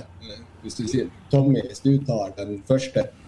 Ja, da får vi jo gjort ferdig tabelltipset vårt. Vi har Ja. igjen tre lag, vi. Det var Molde, Ja, det klarer jeg. ja, vi har Molde, Bodø-Glimt og Rosenborg igjen, vi. så jeg kan jo ta Molde, da. Eh, Jeg tipper de blir nummer tre. Ok? Gjør du det? Mm. Jeg tipper at eh, Rosenborg blir nummer tre. Oi. Hæ? Ja, jeg gjør det. Hva, hva er oppgaven min, da? Skal jeg plassere Bodø-Glimt? Nei, vi skulle, alle skulle si sine. Du kan jo si ferdig din, da. Tommy. Skal jeg ta alle fire? Ja, ja. Fire. Skal vi, skal vi dele det opp? Altså, skal vi si til Glimt først, alle sammen, og så bruke lang tid på det? Nei, nei, alle, alle tar alle sine.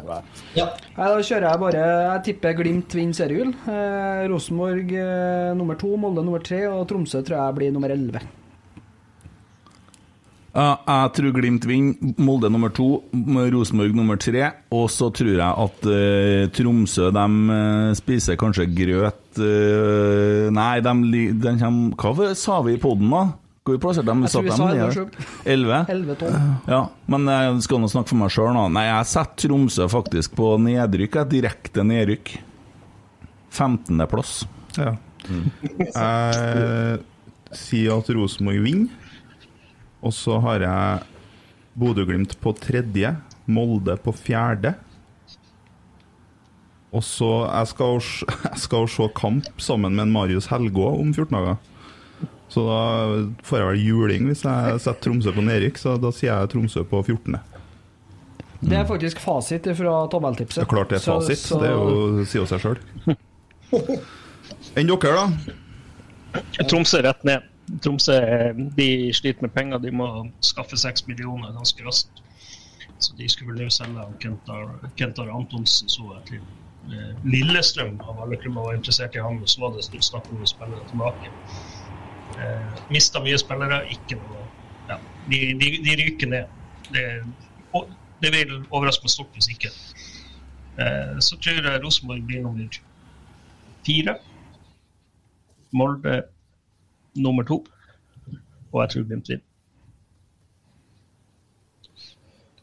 Ja, jeg tror også Glimt vinner. Jeg tror uh, Rosenborg havner på tredjeplass. Jeg tror Molde havner på fjerde. Og Tromsø på tiende. Hvem, hvem har du på andre? det Viking? Ja. Ja. Hvis de beholder spissen sin. ja. Mm. Jeg tror eh, Glimt vinner. Eh, Molde på tredje, Rosenborg på fjerde og Tromsø på femtende. Ja. Jeg kan jo ikke si noe annet enn jeg tror at vi tar seriegull igjen. Eh, vi vil ikke forsterke. Så er det jo Rosenborg, da. Eh, de har jo hatt en forrikende sesongoppkjøring, så det her har jo vært kjempegøy. Så hvis han drar med seg den formen i serien, så kan det her bli gøy. Jeg tror faktisk de holde plassen, så jeg sier 13. plass. Men jeg på slutten, jeg skal ikke, ikke bekymre dere der. Molde, der tror jeg blir andreplass. Eh, de ser eh, sterke ut, selv om de tapte 2-4 for Ålesund nå i går. Eh, Og vi slo Ålesund 3-0. ja. Trengte ikke å bruke kalori på det heller. Det var helt nydelig. Nei, dere var, det var kjempe Jeg syns det var så rettferdig òg. Det var så fortjent. Jeg Ja. hørte han Bjørn Einar snakke om å selge billetter til cupen. Det er ikke vits å selge billetter til cupen, dere møter jo faen ikke opp. Ja, det, er- det kan jo være at vi tar cupen på walkover. Vi får se. Eh, kan vi bestemme oss for. Og så er det jo da eh, kjære Tromsø, og der er jeg litt enig med Bjørn Einar. At eh, der ligger de i lag med Jerv og Haugesund nå eh, på de siste plassene. Så jeg sitter- der på 15. Så det, det blir et løp der. Du bor nord om Tromsø, du, sant? Hæ? Du bor nord om Tromsø, sant? Jeg bor på Sunnmøre, så det er er ja, du, oh, ja, ja, ja, du bor ja, Sånn, ja. ja. Så, kan jo si det sånn at det er bare én som bor nord for dere i det panelet her, og det er han Øystein Parelius. Så du kan jo fortelle hvor du bor. Ja, det er i Tromsø. Så jeg har sånne deilige hjemmestrikka Selbu-votter med Glimt-logo på som jeg går rundt med hele vinteren. Ja. Varmer både hender og hjerte. Men det var ikke til at de var fra Selbu. ja. Hæ? Det var trønderske Ja, ja, låter selvfølgelig. De har jo kopiert det. Ja, kopiert det også. Ja, ja. Det heter Bodø- Det heter Bodøbotn nå. Ja. Det heter ikke Selbu. det heter. Bodørosen. Har dere, har dere gått forbi den israelske ambassaden i Oslo? Nei. Der står det en sånn der lita sånn eh, skur, en sånn politihytte på utsida. Det har eh, Øystein Parelius også fått i Tromsø etter han ble med i podkasten. Det er riktig. Jeg har, eh, jeg har et dilemma her, da. Ja. Skal vi bare ta den eh, i farta? Det er um, Arnfinn Berg som sender inn, da. Eh, og det går som følger. Se foreldrene dine ha sex hver gang de har seg, eller delta én gang for å slippe å se det igjen. Herregud! Å, fy faen. Terapipodden rotsekk. altså Ja, det, det, det er fryktelig. Ja, det er jo helt jævlig, begge deler. Men jeg mener jo at den er ganske enkel. Jeg, da. Du kan jo ikke ha sex med foreldrene dine, så du må jo, Nei, må nei, jo bare stå og se på dem. han, Henriksen bor jo ute i Lofoten, og der er det Der er det i hvert fall ikke uvanlig å ha i hvert fall fått det med seg en par ganger. Nei. Å, fy faen. Uff, der. Nei, det er jo bare ett svar der. Ja, det, du må jo se på. Du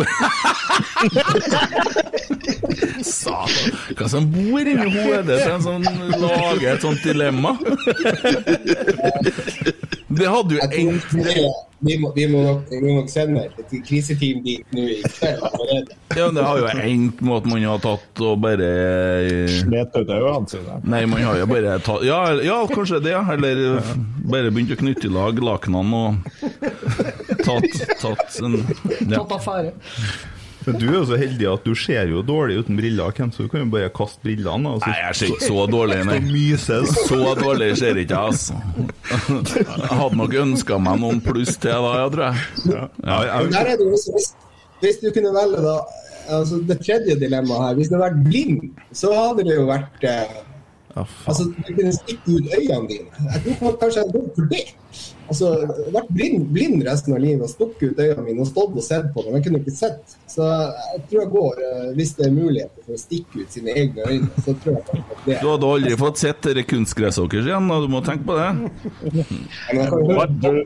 Veldig fort kommet i en sånn prins Charles-situasjon at du har sittet ned og burde regne på hvor, hvor lenge kan egentlig foreldrene dine leve. Prins Charles. Han er uheldig der, ass.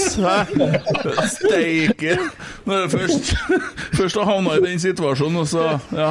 Her, se her mamma har laga te til deg i dag. Ble ikke han faren hans 99 år? Jo, men han, hun er jo den lengstlevende monarken Ja, gjennom tidene, uansett land.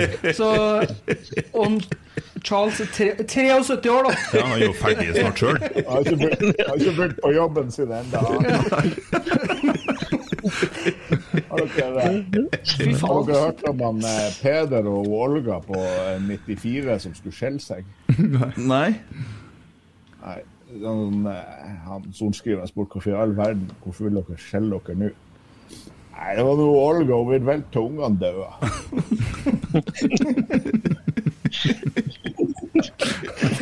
det er jo Elisabeth går og venter på også. Ja, ja, ja. ja. ja.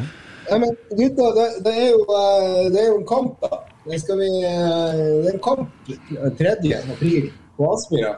Eh, Der skal vi også dere delta, altså Rosenborg. Eh, Ja Skal vel. dere skal vi ta litt om den, eller? Det er jo seriestart. Ja, vi har jo Vi har jo snakka litt om oppkjøringa før dere kom inn. Um, Ja. Og eh, vi er jo enige om at vi er, vi er jo bekymra. Mm. Det er vi. For det ser jo unektelig ganske ræva ut per nå. Så Det er alt å vinne. Ja, vi har det. Og det er jo fordelen her, da. Rosenborg er jo fullstendig underdog. Det er jo ingen som uh, det- blir sjokkert hvis vi taper. Og det må være første gangen vi noen gang har vært Altså Greit nok, ja, vi har kanskje vært ikke vært tippa med så høy odds oppe i eh, Bodø de siste sesongene, men jeg tror aldri, aldri vi har vært en så stor underdog overfor en annen norsk klubb siden Nils Arne Eggen tok over Rosenborg. Nei, nei. Aldri. Mm. det, det er nok riktig, det. Og der er det jo også da at eh, det kan jo slå tilbake på. Så det er jo det vi er litt, eh, litt redd for. Men vi kan jo huske, huske på det at i fjor vi spilte Var det serieåpning i fjor? 1-1? Stemmer det? Eh, Det var kamp tre. Kamp tre. Ja. Ja. 16. mai. Og da rundspiller vi i Rosenborg, men uh, dere klarer å få med dere et poeng på slutten. Og, eh, og det kan jo også uh, være en mulighet for det i, i dag. Eller i, på, på Jeg måtte bare se, nå ser han fem i odds på Rosenborg her, så det er jo helt nydelig. Ja, nå Ser du hva jeg har gjort? Du spilte utfall Rosenborg. Jeg har spilt ja, på Rosenborg. Jeg, har fem, jeg har aldri sett at det har vært fem i odds på Rosenborg før, uten at vi har vært i Europa. Men eh, Og Rosenborg for å, Når jeg spiller på Rosenborg, så går det aldri bra. Så det er ikke Hvorfor i helvete har du gjort det, da? Fordi at nå skal jeg jinxe alt jeg kan, på alle måter. sånn, ja. Det er motings i alle retninger. Men jeg har aldri kommet til å sagt det høyt før. Så. Nei. Ja, riktig. Ja. Nei, Men Glimt av verden er jo Norges eh, verste oddstipper, så jeg vet ikke hvordan de, de Ja, tipper ja, men det, det, det, der er jo bare piss. Det er jo bare for å få klikk og se nå har jeg tippa på motstanderen og sånne ting, og så kommer du til jeg, Dere siste kampene dere hadde, og jeg skjønner ikke at det er mulig. Altså, Ikke bare har man blitt et OK lag, men også selv en spiller til Russland som du fikk gratis fra Bodø, så får du faen meg gratis i retur igjen! Han har jo knapt spilt i Russland! Det er ikke sikkert at vi får han gratis, men vi håper jo det. Eller kanskje ikke. Alt! alt. Og så det As Alkmaar-greia her. Hva faen?! Eller Celtic, da. Hvor mange ganger spilte vi mot Celtic i Europa, der, de- der de eh, var fuckings eh, enorm Ja. Og så møter dere faen meg publaget til jævla Celtic! Men jeg har sittet og holdt med motstanderne hver kamp. Neste gang skal jeg holde med Bodø-Glimt mot Roma. Da er du fucked. Jeg skal, jeg, jeg skal bli sånn politisk korrekt trønder, og det, vi skal unne andre. Og Tippeligaen er Eliteserien for to lag i Champions League og sånne ting. Ja, ja, ja. Kjempebra. Jeg skal, å, vi skal være sånn nå. Halleluja. Skal vi tenne bål og synge bibelvers om sånne ting? Som Pål André Elveig snakka Du kan godt si at du holder med Glimt i den kampen, men vi kan se sjela di ikke. Ja, og den er sort og hvit. Mest sort. Mest sort. Jeg er litt opptatt av, av, av de treningskampene, eh, merkelig nok. Eh, og eh, det er jo akkurat det der Hva er følelsen? Jeg har jo vært med på det sjøl. Glimt har tapt f.eks. 8-0 mot Rosenborg. 2-1 mot samelandslaget en gang også, faktisk. Eh, det, er, ikke- det er ikke verst. Um, så, det har bare vært rosenrødt for oss heller. Uh, så, nei, det, ja, samelandslaget det er jo landslag. Nei, jeg tenker Det var jo Det er halve Bodø-laget borte uansett, så det er rart. De spilte jo mot seg sjøl. En tredjedel av spillerne spiller på begge lagene. Ja. Ja, det var vel Steffen Nystrøm som var toppskårer, eller skåret to mål for samelandslaget i sin tid. Eh, Men allikevel så er det jo det at, eh, at um, når, når dere taper 3-0 for, eh, for Raufoss, hva, hva går gjennom hodet på dere da? Hvor ille er det? Du skjønner jo det. Du skjønner jo det. Det ser jo ut som eh, Det, det, er, jo, det er jo helt ufattelig å stå og se på. Men nå har jeg sett Rosenborg vært i Bergen og spilt 2-2 mot Brann, som er symbolet på alt som har med Åge Hareide og Rosenborg å gjøre. For den kampen der med altså, det, Og det minte meg bare om samme følelsen. Det er bare, bare vondt. Men så blir vi ferdig med det, og så er det en tellende kamp om ei uke. Og da skal guttene ut i krig. Nå har vi masse unge gutter, og så har vi noen litt rutinerte. Jeg er veldig spent på startelveren, men jeg kan prøve meg på en òg. Kunne jeg gjøre. Det kan du godt gjøre. Jeg bare spør om du har vært hos psykolog og jobba med det her i Nei, nei, nei. nei, nei. Vi har blitt vant. Vi bruker podden som terapi. Eneste psykologtimen man trenger, det er jo etter å høre de forskjellige dilemmaene som kommer. Ja, det er helt riktig. Jeg kjenner ennå på det. Ja. Men eh, det er jo ikke lenger siden 2020, da, hvor vi smadra Bodø-Glimt 3 i Nabrahallen, og vi satt og kikka på og tenkte at ja. Kom og prøv dere, dere jævla. Og vi slo Bodø-Glimt 1-0 senere òg, den 30. mai den sesongen der. Ja. Gikk nå til helvete lall. Ja, slo dem i begge treningskampene og rett på fjerdeplass. Hey, I'm Ryan Reynolds. Recently, I asked Mint Mobile's legal team if big wireless companies are allowed to raise prices due to inflation. They said yes. And then when I asked if raising prices technically violates those onerous two year contracts, they said, What the f are you talking about, you insane Hollywood ass? F- So to recap, we're cutting the price of Mint Unlimited from $30 a month to just $15 a month. Give it a try at mintmobile.com slash switch. $45 upfront for three months plus taxes and fees. Promo for new customers for limited time. Unlimited more than 40 gigabytes per month. Slows. Full terms at mintmobile.com. I'm Sandra, and I'm just the professional your small business was looking for. But you didn't hire me because you didn't use LinkedIn jobs. LinkedIn has professionals you can't find anywhere else, including those who aren't actively looking for a new job but might be open to the perfect role, like me. In a given month, over 70% of LinkedIn users don't visit other leading job sites. So if you're not looking on LinkedIn, you'll miss out on great candidates like Sandra. Start hiring professionals like a professional. Post your free job on linkedin.com/people today. Mom deserves the best, and there's no better place to shop for Mother's Day than Whole Foods Market. They're your destination for unbeatable savings, from premium gifts to show-stopping flowers and irresistible desserts. Start by saving 33% with Prime on all body care and candles. Then get a 15-stem bunch of tulips for just $9.99 each with Prime. Round out Mom's menu with festive rosé, irresistible berry chantilly cake, and more special treats. Come celebrate Mother's Day at Whole Foods Market. Så Men før du tar, før du tar første elveren Av alle trenere i Norge, så er vel kanskje Kjetil Rekdal en- en av de som er spesielt flink på å piske opp stemninga og være coach, og det å få det riktige tenningsnivået når det er kamp og sånn. Eh, tror dere at det kan være et eller annet at man klarer ikke å få folk til å tenne på alles runder når det er treningskamp, men når det blir the real deal, så, så setter maskineriet i gang. Det er jo bare å håpe det, da. For det de har eh, servert på treningskampene det, Vi har vært eh, på etterskudd, egentlig, de fleste. Eh, Vi måtte ha hatt eh, 20 minutter på å spille oss inn i kampen, og det er litt unormalt. Eh, Men samtidig så tror jeg det at eh, Altså, jeg tror Raufoss-Ranheim i oppkjøringa her, det er liksom et desidert bunnpunkt. Og så, så, så dårlig kan det ikke være, tenker jeg. Nei, men det, det det handler om nå, har vært hele tida altså det, det forklaringene som er, da, det er jo det som vi hører ofte. Og det er jo at spillerne trener veldig mye. Du skal få 50 kroner for at du sitter og holder vinduet litt, Tommy, for det hjelper. Slutt å ikke holde. Da kveler jeg deg snart. Hver, gang det, hver gang det leker lyd, nå, så tilter jeg. Uh, men uh, mot Ranheim så skulle vi øve på å ligge lavt, faktisk. Uh, og det funka dårlig, men det er noen sånn glimtvis i kampene da, som er OK.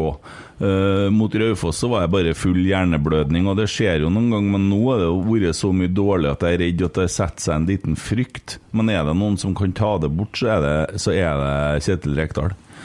For han er veldig oppegående, han er veldig smart. Eh, Det man ser på denne innsiden, eh, videoene til Rosenborg, det er jo ikke det han altså, de, de legger jo ikke ut det han sier i forhold til taktikk og sånn, for det holder de jo i, lukka.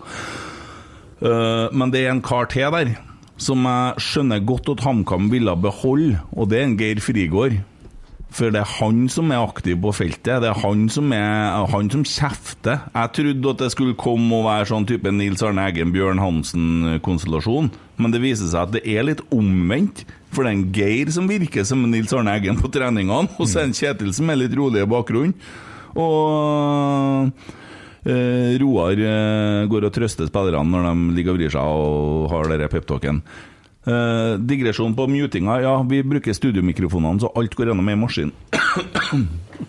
Hadde de hatt på, så hadde vi hatt fått uh, ekko. Ko, ko, ko, ro, søk, søk, søk, søk. Men, men eh, altså- det er jo så teknisk avansert, og det er fantastisk. Men, men allikevel så er det jo det at um, du starta med startelver. Ja, men før vi går på startelveren, så vil jeg ta tak i det med Geir Frigård. For at altså eh, det, jeg elsker å høre på eh, ranting om hvor elendig Rosenborg er as much as the next guy. Det kan jeg godt marinere meg i hele tida. Men, men Du liker marinade, du. Ja, ja, det Skjer det. Den- Men det teiteste kritikken jeg har hørt, er jo at Rosenborg brukte penger på å kjøpe fri Geir Frigård. Som om det var dumt å bruke penger på en assistenttrener. Det er jo selvfølgelig altså, ekstremt velbrukte penger hvis du får en assistenttrener som hever nivået på alle treningene. Så det er mer anvendte penger enn altså, du, kjø, du gjør en, investering som påvirker alle spillere, istedenfor å bruke de pengene på én spiller. Um, og det ser vi jo i Glimt også. Uh, vi har en assistenttrener som beskrives som at uh, ute på treningsfeltet så virker det som at det er den siste dagen i livet hans hver dag. Men det er helt klart at det har noe å si. Og um, jeg, jeg skulle godt ha sett at Rosenborg ikke gjorde den investeringa, men, men det er mye å ta tak i i Rosenborg. Men å kritisere at de brukte penger på en assistenttrener, det syns jeg blir Men du Jørn, hvis du tenker deg litt om må du sier at du ser at Rosenborg skulle sånn jeg tror at alle i Norge har lyst til at Rosenborg skal være litt god, fordi at det er ganske stort høydepunkt for klubber å få Rosenborg på banen sin. Se for deg at Rosenborg har rykka ned og ikke har vært i Eliteserien. da. Hva tror du har skjedd med produktet i Eliteserien da? Jeg vet jo hvordan det hadde gått. Jeg husker det jo veldig godt fra når Glimt var nede. Det var jo ingen som fulgte med på Eliteserien. Det var jo sånn, som å vandre i en ørken. Det er ikke så Nei, vanskelig å huske det, for det har jo vært hyppig. Der har jeg et dilemma til dere, hvis du først er inne på det der, rykke ned. Eh, kom på meg her. Skulle egentlig skrive til dere i, eh, i rotsekk, men eh, så tar jeg det her. Skal vi se. Rykk ned i Post Nordligaen, eller være for evig på andreplass. Nei, Da tar jeg et år ned, jeg, i hvert fall. Helt ned i Post Nord, og om så. Fordi vi andreplasser, det Kjenner du sjokkis? Ja, Vil du ikke kose deg litt, da? Jo, jeg tar gjerne en sjokkis her, hvis Ja. det bespanderer. Vær så god. Takk skal du ha. Nei, jeg Men tar kjør førsteelveren. Ja, eh, det er i hvert fall det. Jeg ser Tommy og Emil må korrigere meg, men ut fra det som jeg har sett på treninga og det som jeg har sett på treningskamper, og hva jeg tror, så kommer vi til å starte med Markus Henriksen bak, og så Må jeg ta ifra keeper, da. Herregud. Ja, ja, men det sier seg jo sjøl, for det er jo offentlig. André Hansen er jo utpekt som keeper. Skal du begynne å gjøre deg til? Nei, jeg må bare få prøve. Sa jeg du kunne ta sånn der? Drit deg til. Jeg gjorde det da. André Hansen, Markus Henriksen, og så får vi faktisk kun Vagic og eh, eh, Hjelp meg. Renzo. Rens... Nei. Nei. Reitan. Reitan. mm. som uh, trebackslinje. Og så blir det Pereira, og så blir det Adam Andersson uh, på, som wingbacker. Uh, på midtbanen så er jeg litt spent, faktisk. For hadde jeg valgt, så hadde jeg villet hatt Per Siljan og ehm, Jensen. Nei, jeg har jeg ikke hatt Jensen. Nei, jeg tror nesten så jeg kunne tenkt meg å se Per Siljan og eh, eh, Edvard Tagseth som motorer på midten. Men det blir nok eh, Det blir nok Jensen og, og Børkeie på midten, og så blir det Vecchia og Noah Holm og Carlo Holse. Mm. Det starter den. Jeg, jeg tror nok at Jensen kommer til å starte eh, alt. Eh, fordi vi henter ikke en spiller på lån fra Ajax og setter den på benken. Nei, men jeg tror, at, jeg tror at han er i Rosenborg for at en Vecchia kommer til å spille annenhver kamp pga. ryggen. Ja, det, det, det, det jeg kanskje er mest spent på, er eh, hvor Altså, kommer en Vekka til å starte, eller bruker en Jensen opp og flytter inn en Tagset f.eks., eller Skjelbre? Vi vil spille den med Tagset i stedet for Pereira, for det var jo òg gjort. Det er en del usikre moment, men eh, jeg tror nok den eh, elveren som eh, Kent presenterer her, er den som er nærmest Mm. å være reell. Er det her, er det her en tre-fem Tre-fire Tre- tre. tre- Nå sliter vi med ja. Utfordringen vår ligger mest i de toene på midten, sånn som jeg har sett det. Men hvordan, hvordan blir det da mot Glimt sine bekker og kanter, eh, når du da har spillere som formasjon. Hva dere tenker om det? Vi står oss jævlig bra mot spillende lag. Og vi har sluppet inn eh, mest mål på dødball, så vidt jeg har eh, fått med. Og Glimt er ikke noe sterk på dødball. Dere har mer spille, spillemål enn eh, dødballmål. Så Det er fordi vi har ballen 100% Så det er Jeg tror nok dere kommer til å ha ballen mye mot Rosenborg òg. men så tror jeg at vi Jeg har jo sett noen kontringer eh, som har vært lynhurtig, og hvor vi kommer med sju mann framover. Og det tror jeg Bodø-Glimt kan ha problemer med å forsvare seg mot. Jeg tror, jeg tror eh, Rosenborg kommer til å tillate at Bodø får ha ball og, og, og stå høyt med laget, og heller komme eh, Ja, komme i full fart etter, da. Hva, hva dere tenker gutta? gutter? Skal dere ta, ta startelveren? Skal vi si den i kor, eller skal vi skal en av dere? Det er vel ikke Det- det- noe å spekulere. Det, Det er ikke noe å spekulere. Det, det er så gitt. Det eneste er jo om Solbakken blir 100 fit. Håper nå ikke det. Er han litt skada? Ja, han har plaga med en ankel i et halvt år, så Ja, nei, det var dumt. Det er kanskje litt dumt for dere, for vi har jo han eh, godeste Kom Soon som kommer ganske snart. Og, Komsun. Come soon. Å, herregud. Men eneste, spilleren som jeg kunne tenkt meg fra dere, er faktisk Carlo Holmse. Han kunne spilt på høyrekant hos oss. Um, det var det jeg skulle si. Når Nikita Er han eneste du kunne tenkt deg for Rosenborg? Ja, som går rett inn i starten. Da minner du meg om en litt sånn øhm, Hva skal jeg si Da er du, høy, da er du høy og mørk, altså. Ja, jeg er det. Mm. Hvem du vil slette ut på ja, i, i, i Glimt sin startelver, da? Mm? Hva du ville ha kasta ut av Glimt sin startelver? Oi. Ja, det var sant. Ja, det er- ja. Men hvem ville du dra over til Rosenborg fra Glimt? Eller dere? Sol-? Solbakken. Mm. Og så vil jeg ha han Elias Hagen. Nei. For, eh, jo, Nei, jeg vil ha han. For han eh, tror jeg kommer til å bli veldig god. Kunne du bytte han med Børkeie? Eh, kanskje det, ja. Faktisk. En ting Men- som en Kjetil har sagt, da, så er det det at han er veldig glad i å utvikle spillere.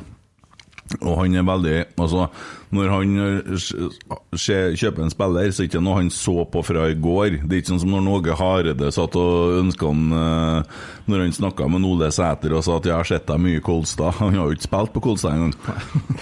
um, så, så Og jeg tror at uh, Børkeie har et voldsomt utviklingspotensial, og så har det gått dårlig i Danmark, men at uh, vi er inne på noe her, for det er snakk om å utvikle enkeltspillere òg. Så han tror jeg kommer til å skremme dere etter hvert som han løsner, for jeg ser ham på treningene. Og jeg er på mange treninger og ser, altså. Men det er jo det som er med Rosenborg nå, da, det er jo det at eh, vi faktisk har en innkjøpsprofil, eller en rekrutteringsprofil, som er eh, kanskje til Bodø-fansen sin store frustrasjon, da, som har elska og kjasa om at vi henter bare avdanka fotballspillere. Så har vi jo ikke henta én spiller over 22 nå, de siste to overgangsvinnene. Så Nei, men det var jo fordi at dere ønska å ha Kjetil Knutsen inn, og dere visste hva han likte. Nei, men jeg synes- Men du synes at skjønner er- hvorfor vi vil ha Kjetil Knutsen? Du skjønner hvorfor Rosenborg var interessert i å ha han? Det er klart det, men jeg synes at når han Hareide slutta som, eh, som trener, så burde dere jo ha ansatt han som sportssjef. Ja. ja. Men Hareide skal jo til Bergen nå snart, når eh, Horneland får sparken der. For de, eh, de henger jo litt etter. De tar jo bare dem vi sparker dem. Ja, for Nå ser vi jo Kåre. Kåre har begynt å hente. Kåre er jo snart Han kan jo komme til Rosenborg igjen og begynne å hente Morten Gamst. Han er jo, har jo henta han nå. Det- Jeg venter bare på han kan hete han eh, Milan Jevtovic, at han skal melde overgang til Åsane. Han er, og han eh, Viuk Sané. De har vel fulgt han gjennom hele karrieren. Og Mark Jensen. Ja, Mark Jensen, ja.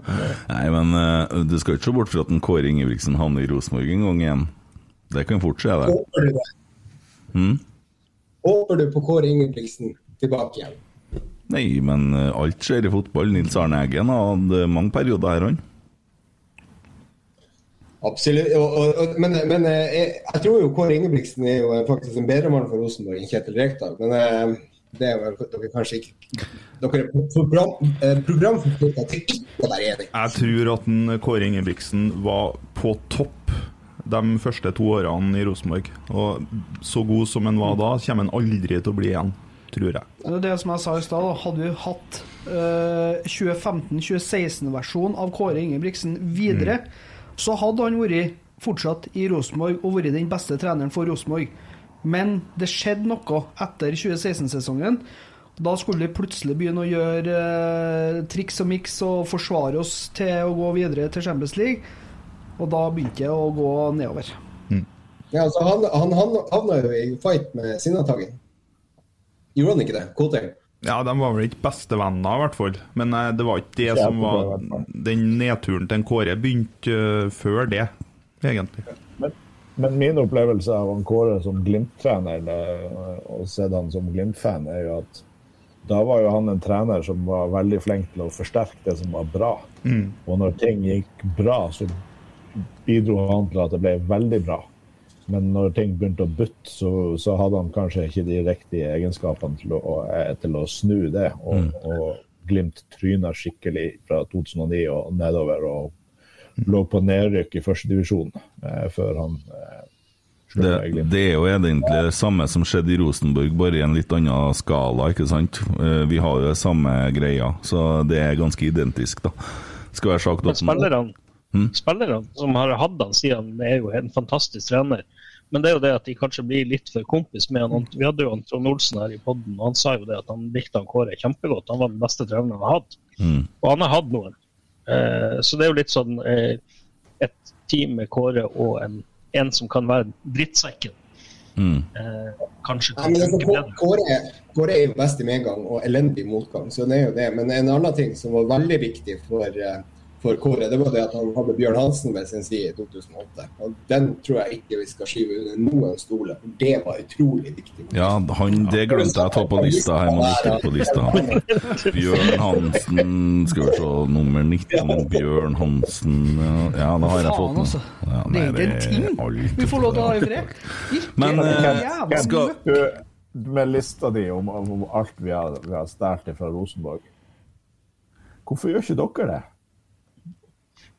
Hvorfor vi Nei, vi, har, vi var henta altså, vi henta Ørjan og Mini, vi, og så lærte vi dem ting.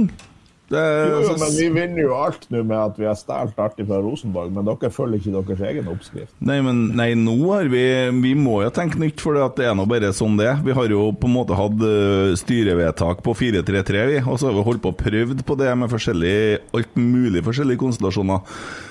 Men jeg tror man må nesten være her for å forstå det, altså. For det, det er jo sånn at eh, Vi kommer jo på TV2 når vi taper mot Raufoss? Og det er Det var tre forskjellige produksjonsselskap som hadde ønska om å følge Rosenborg i sesongen i år og lage en sånn uh, Sunderland til I Die-greie.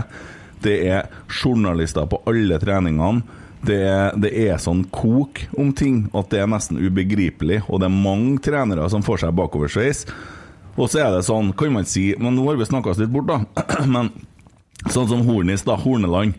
Verdens snilleste mann. Kjempeflink.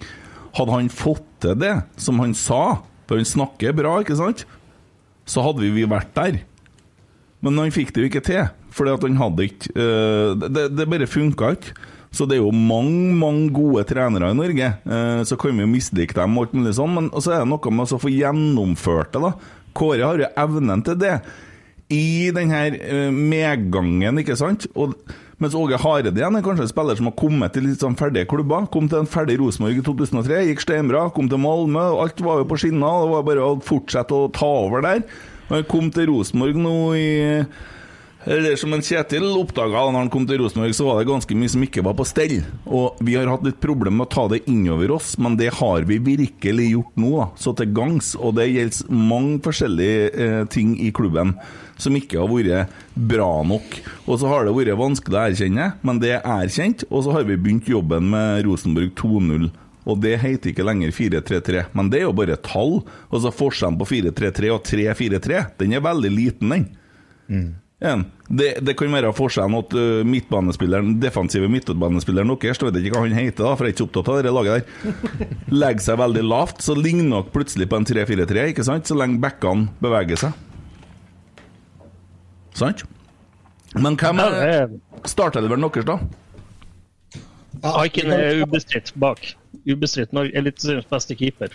Med, I hvert fall i Glimt. Bedre enn André Hansen. Han er Glimts beste keeper, ja. Nei, han er Eliteseriens beste keeper. Jeg sett og Han hadde skryt ikke blitt konge. Jeg har sett og skryt av en russer. Du kan ikke si sånn, Tommy. Ja. Han er israeler. Israeler. Han har dobbelt pass. Så han er isra israeler. Eh, Du kan ikke si så sånn. Å nei. Nei, du kan ikke si sånn. Nei. Kan ikke det? Nei, ikke sånn. Nei. Da slutter jeg med det nå. Fra nå. Han, han, spiller, han spiller med, med gule og blå hansker, så det er ikke noe tvil om hvor han har eh. Det er sant. Hvis den kommer med sett på drakten, så er det greit. Ok. Ja.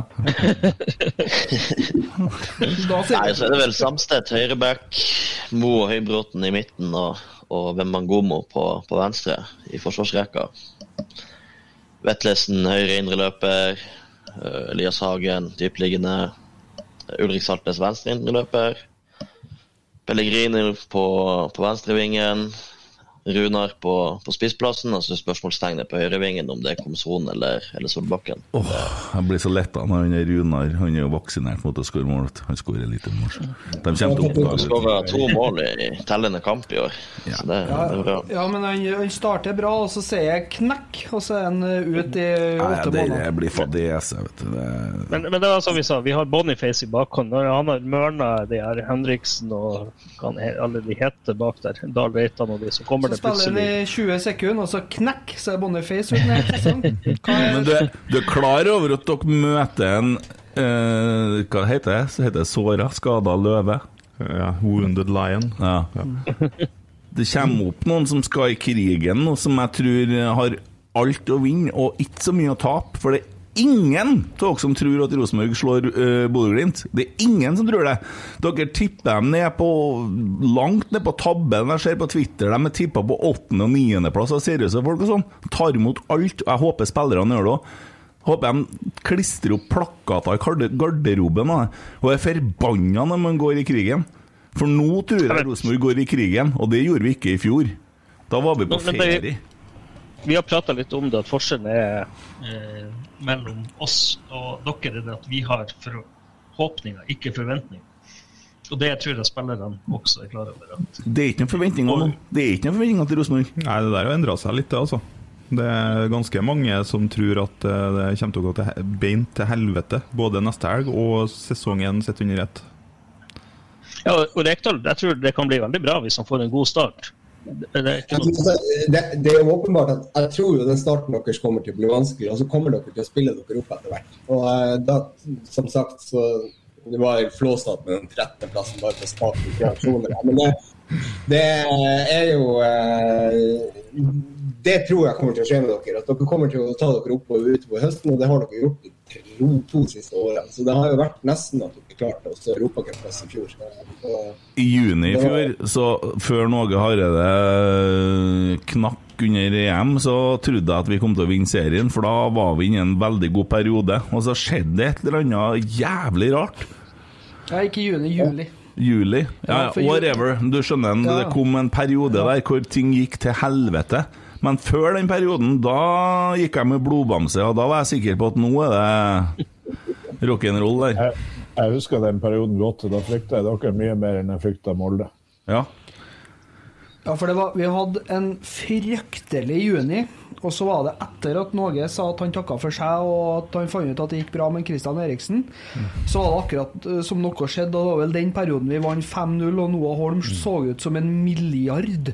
Han, Men eh, det var vel også i den tida at Koteng gikk på TV og fortalte at Kjetil Knutsen var veldig aktuell. Det var jo da det begynte å gå litt skeis, hvis dere. Eller? det, det er som en Kjetil sier, eh, som en Kent eh, sier, en Ivar Koteng sa aldri at han var en interessant trener, han sa at han er en veldig god trener. Det var eneste, var eneste Ivar Koteng sa, var det at Kjetil Knutsen, som alle i hele Norge så, at han var en veldig god trener. That's it. Veldig, ja. Veldig, det er viktig å begynne å si veldig. Det er veldig bra. Jeg hørte det. Skriv det opp på lista. Skriv det opp på lista. Ja. Nei, men men dere, en ting vi ikke skal ta, det er han Otto Ulseth. Han kan dere få Å, Å, fy faen. Vær så god, ta den.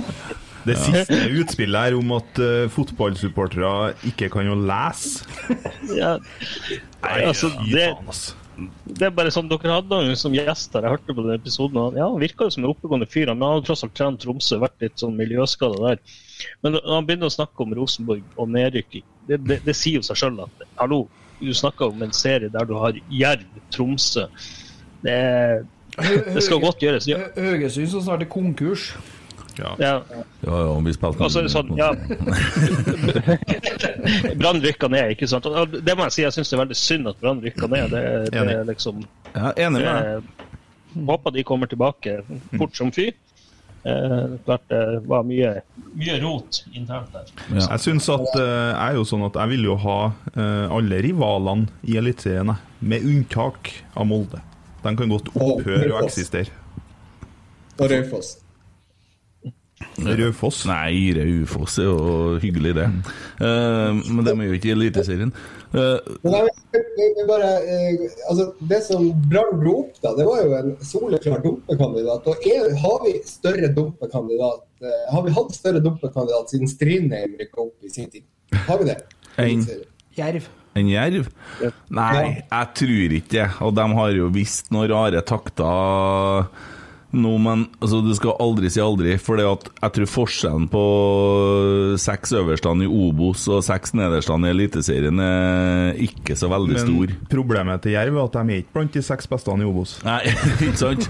Men, og det de holder på med her nå, med han, han, han som nekta å vitne i rettssaken mot Sarr og ja. Ja. Det har vært mye rart nedi der, men de har gressbane, da. Det har de. Ja. Men eh, du, apropos større dumpekandidat, det var jo noen år med Hønefoss. De var ikke så jævla gode. Nei, men de holdt seg i noen år, da. Hæ? Ja, men det er litt mer fotballby enn eh, Eller med Lafton og guttene. Jo da, det er sant. Arnar Førsund, han med Ja. Strindheim, apropos, fikk ikke de seks poeng, da? Det året de var oppe. Men vi trodde jo det samme om Ranheim òg. Vi trodde jo at Ja, ja. det her blir bare et blaff, og så var de jo dritgode. Og fikk jo årets trener og spilte jo en frykende fotball. Og der ser du forskjellen på et godt lag og gode enkeltspillere. Vi har jo prøvd på sånn enkeltspillersystem i noen år, og det har jo vært med vekslende hell. Nå tror jeg vi holder på å bygge et lag, og det tar litt lengre tid enn hva vi ønsker oss, men sånn er det bare. Men jeg driter i hvor bra vi spiller på søndag. Jeg driter i alt, jeg. Bare vi går i krigen. Bare for så se blod. Ja. Men eh, jeg tenker det er et bra tidspunkt for et lytterspørsmål. Eh, Tor Tor har spurt hva er, hvem blir årets gjennombrudd i begge lag, og hvem er dere mest redd for vil underprestere? Tja Jeg, tror jo jeg, at kan den, ikke eh, svare på Bodø der. Altså, Nei, men jeg kan gjøre det. Ja. Det er jo Elias Hagen, tror jeg. Jeg, Gjennombruddet, ja. jeg liker han godt, jeg.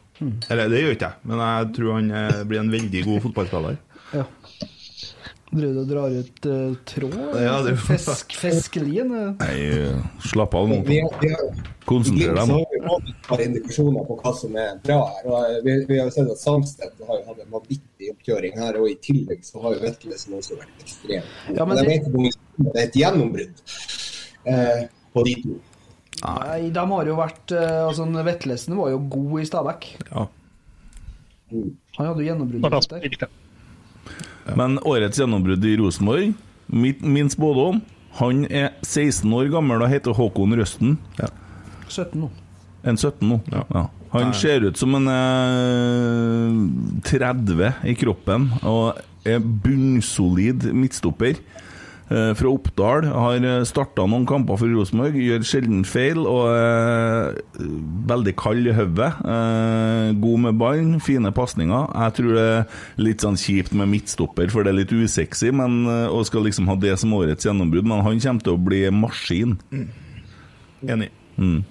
Jeg har, eh, jeg har en i hos oss. Han kommer faktisk fra Tiller. Det er han Sjøvold. Mm. Eh, der har uh, de som har vært og sett på han på, i Spania når han har spilt, der var det kommet til kommentarer at 'what a player'.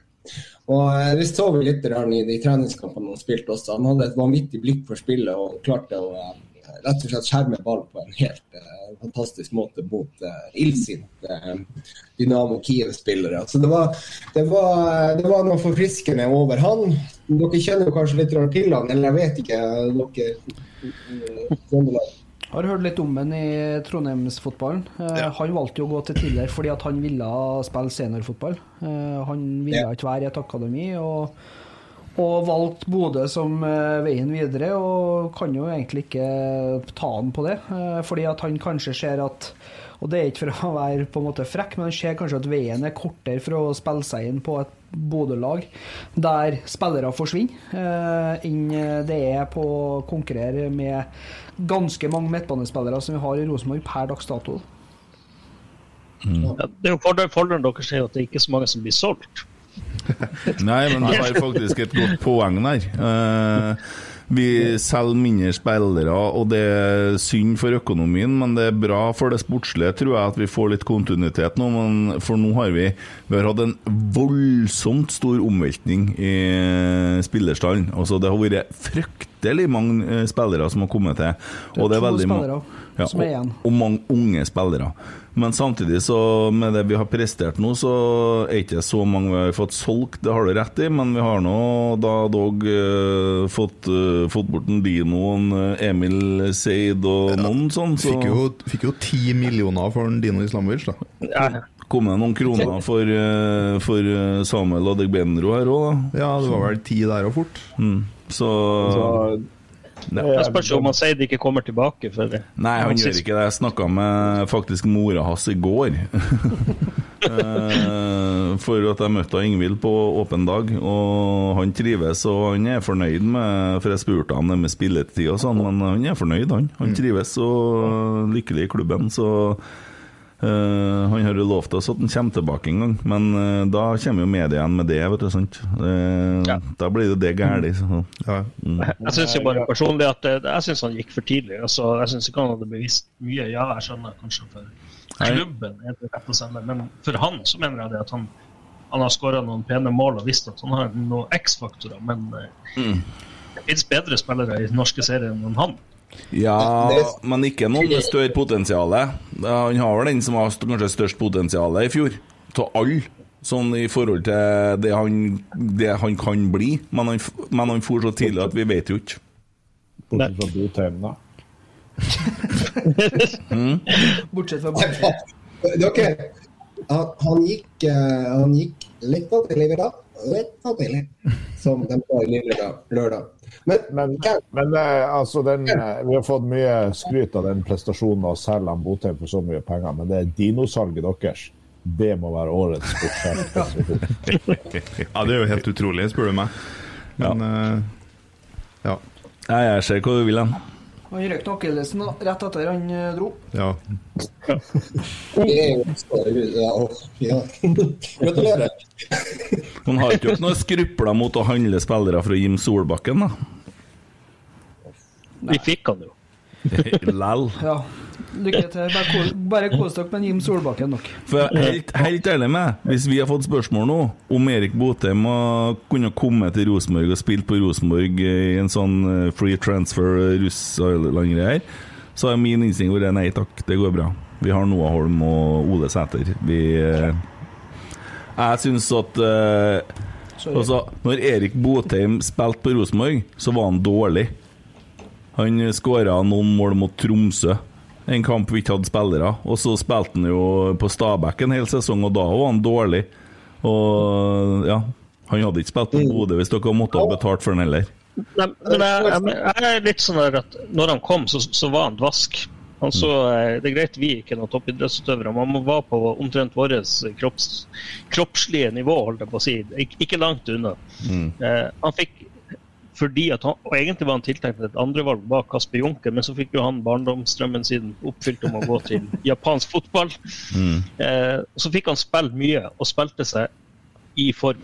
Og trente seg i form, og han tok læring av det trenerteamet sa.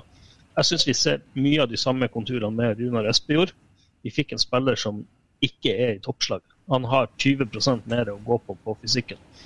Og Runar Espejord er et sinnssykt talent. Det er mye fotball i han. Han er mye bedre spiller enn Botheim. Mm. Ja, mange som er bedre spillere enn Botheim, og hadde dere hatt en annen spiss enn Botheim eh, i fjor, så hadde dere sannsynligvis hatt mye flere mål òg. Ja, det er riktig. Og, men, men Botheim har jo alltid blitt betrakta som et talent. og Det har jo vært en liksom våt drøm eh, når han ikke fikk spille i Rosenborg når de var litt dårligere enn hva vi er nå. Mye dårligere. Så var det jo en våt drøm å hente han, og egentlig Filip Brattbakk har jo også vært nevnt en eh, par ganger i forhold til Glimt. Mm. Så så fikk han jo til slutt, og fikk eh, veldig godt betalt. og eh, ja, eh, en spiller som, som, som eh, gjorde seg bra på internasjonale arenaer. Mm. Så det, det, det, var, det var der han egentlig slo igjennom. Det er jo der han ble stolt. og Det er jo sammen med Solbakken. ikke sant? Solbakken med seks mål og fire målgivende i Eliteserien i fjor er jo ikke akkurat. Det er jo ikke, det, det er jo ikke blendende tall. Nei. Ja.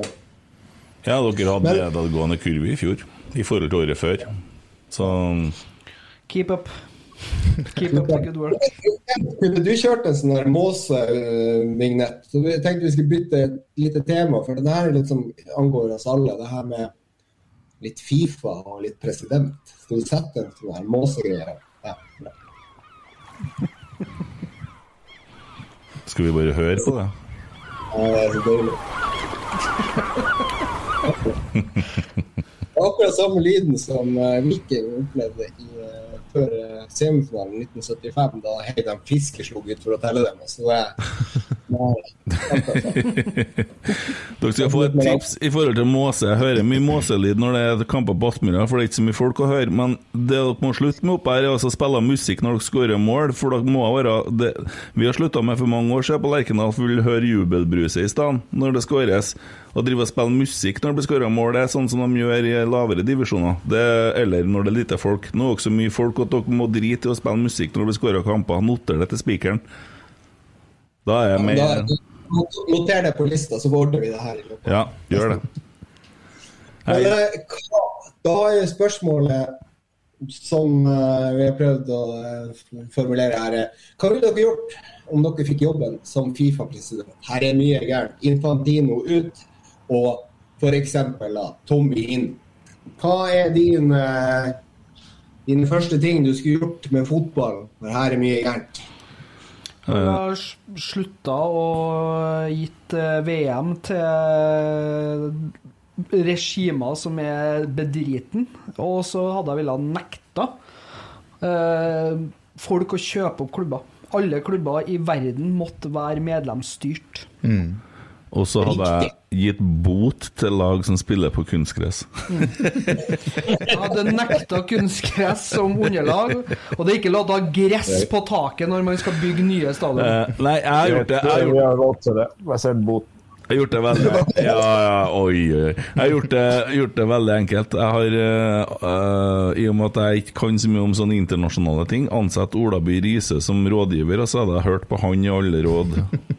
Fins ikke en finere mann, vet du. Jeg har en liste. Det som, det som er, Ulrik Saltnes sa noe jækla bra i podden Heia fotball. Den bør alle høre. Eh, det, er, det er da at agenter skulle kun fått betalt, altså eh, provisjon, av nettolønn til spillere. Ikke noe overganger i det hele tatt. Jeg syns også det at eh, premiepengene i Champions League, Europa League og f.eks. Conference League skal gå litt ned. I tillegg så skal seriemesterne i landene få lov å spille Champions League, og ikke da fjerdeplassen f.eks. i England og større ligaer. På den måten kan du utjevne den forbanna forskjellen som det er mellom ligaene, og du kan faktisk også få fotball tilbake på åpne kanaler på TV. For eh, Da vil egentlig verdien i fotballen gå ned. I tillegg så kanskje det burde vært lagt inn et makstak på lønninger på spillere. Så la oss si at den var på 15 millioner nok, eller 15 1,5 millioner pund. La oss si det. Det er liksom de tingene som jeg tror hadde fått fotballen på riktig vei. I tillegg så skulle jeg også ha kutta av alle vareledninger i hele verden. Alt. TV-skjermer skulle vært kasta i søpla og kastet, kjørt på sjøen. Eh, og så kunne miljøvernere komme og plukke dem opp igjen. For det, vi skal jo ikke ha Hør, hør nå, hør nå dem som har vunnet to seriemesterskap her nå. Og så Dette her har vi holdt på med siden 90-tallet. Jeg har bare gjort det motsatte. Jeg har bare gjort det motsatte. Jeg har kjøpt meg lever, altså jeg har kjøpt meg lunger, så, jeg, så det får du i Øst-Europa billig, lagt på frys.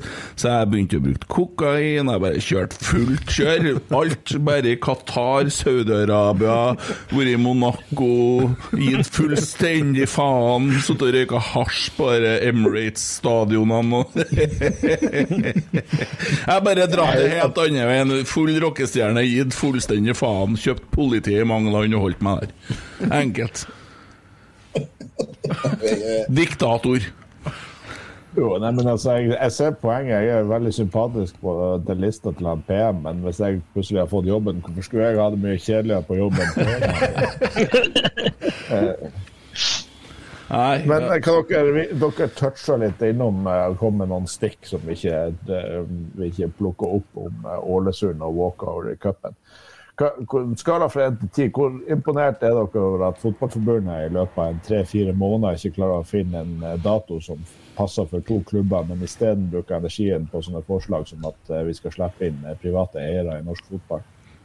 Nei, jeg syns det er skandale, og jeg syns det er latterlig. Og jeg tror det er veldig bra at hun damen som har kommet inn nå, har kommet inn, og at det kanskje blir litt mer sånn PMC her, at eh, vi får litt mer eh, hva heter det? Uh, Sosialdemokrati i, eh, i fotballen. da, og at, uh, altså I tillegg ikke bare det med cupen, men at de har klart å gjøre det de gjør med cupen og kutte ut de første rundene nå pga. pandemien. De klarer ikke å få, få til de kampene for breddeklubbene som er så viktige. Altså Norsk fotball ligger jo med nesten brukket rygg, ikke sant? Og det er kampene som er på Melhus og på Fosen og, og sikkert ute i Glomfjorden og alt mulig sånne ting, da, hvor uh, hvor det er en liten folkefest. Det har de jo drept to år på rad nå. Eh, Det er jo latterlig, det òg. Og så i tillegg å klare å rote det der, sånn som de gjorde i forhold til Det er jo ikke noe artig for Bodø-Glimt heller, skjønner jo det. Eh, Fordi at altså, Sett at Bodø-Glimt vinner cupen nå, så kommer du til for evig tid å bli påminnet den der walkoveren. Så det, det gullet vil uansett smake litt sånn Ja, det var det året, ja. Så det, og det kommer du aldri til å bli kvitt. Vi har en Smaker Jon Pelu, vi, vet du. Det kommer ikke til å smake noe dårlig, det gullet. For det, der kommer til å legge all skylda på Lillestrøm uansett. Det er det er deres. Dæven, der har du en type, hæ? Der har du en. ja, ja, hør nå her. Altså, eh, Lillestrøm Lillestrøm du får en telefon fra NFF, og så spør de ja, kan, kan dere spille cup, eh, eventuelt kvartfinale. Dere skal spille mot Nardo, eh, og den eh, 14. var det vel. Og så, eh, så skal de egentlig da spille kvartfinale den 20.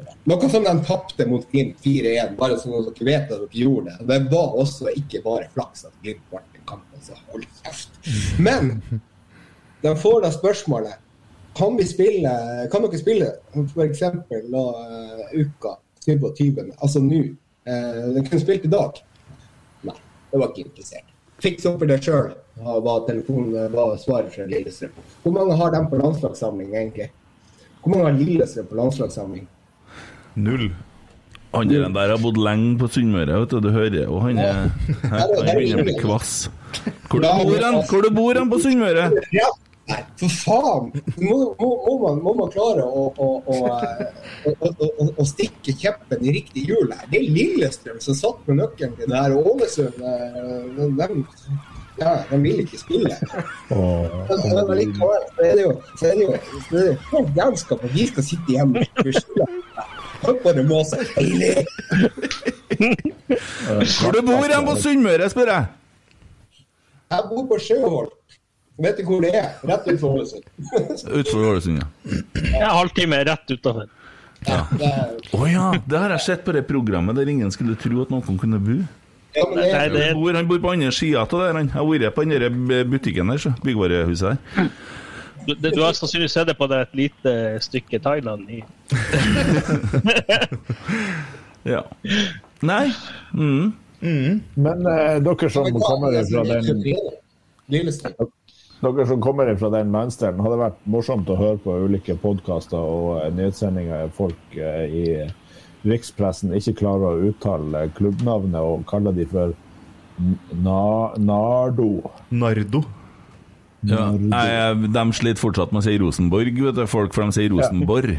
Så det Men nei, altså Det er noe sånn, det. Eh, ja, jeg tror vi holder på å lande litt der. Vi har uh, ble en veldig lang pod for, eh, for oss. og vi har ennå noen sånne interne ting vi skal ta videre etterpå. Det skal gå fort gjennom. Men jeg tror dere kan bli overraska hvis dere sitter og tror at Rosenborg skal komme på 13.-plass i år. Nei, fjerde. Fjerde. Jeg, jeg tror dere kommer over Molde. Åh, ny, nydelig. Det liker jeg å Skal vi si høre. Skal vi si tolvte, da?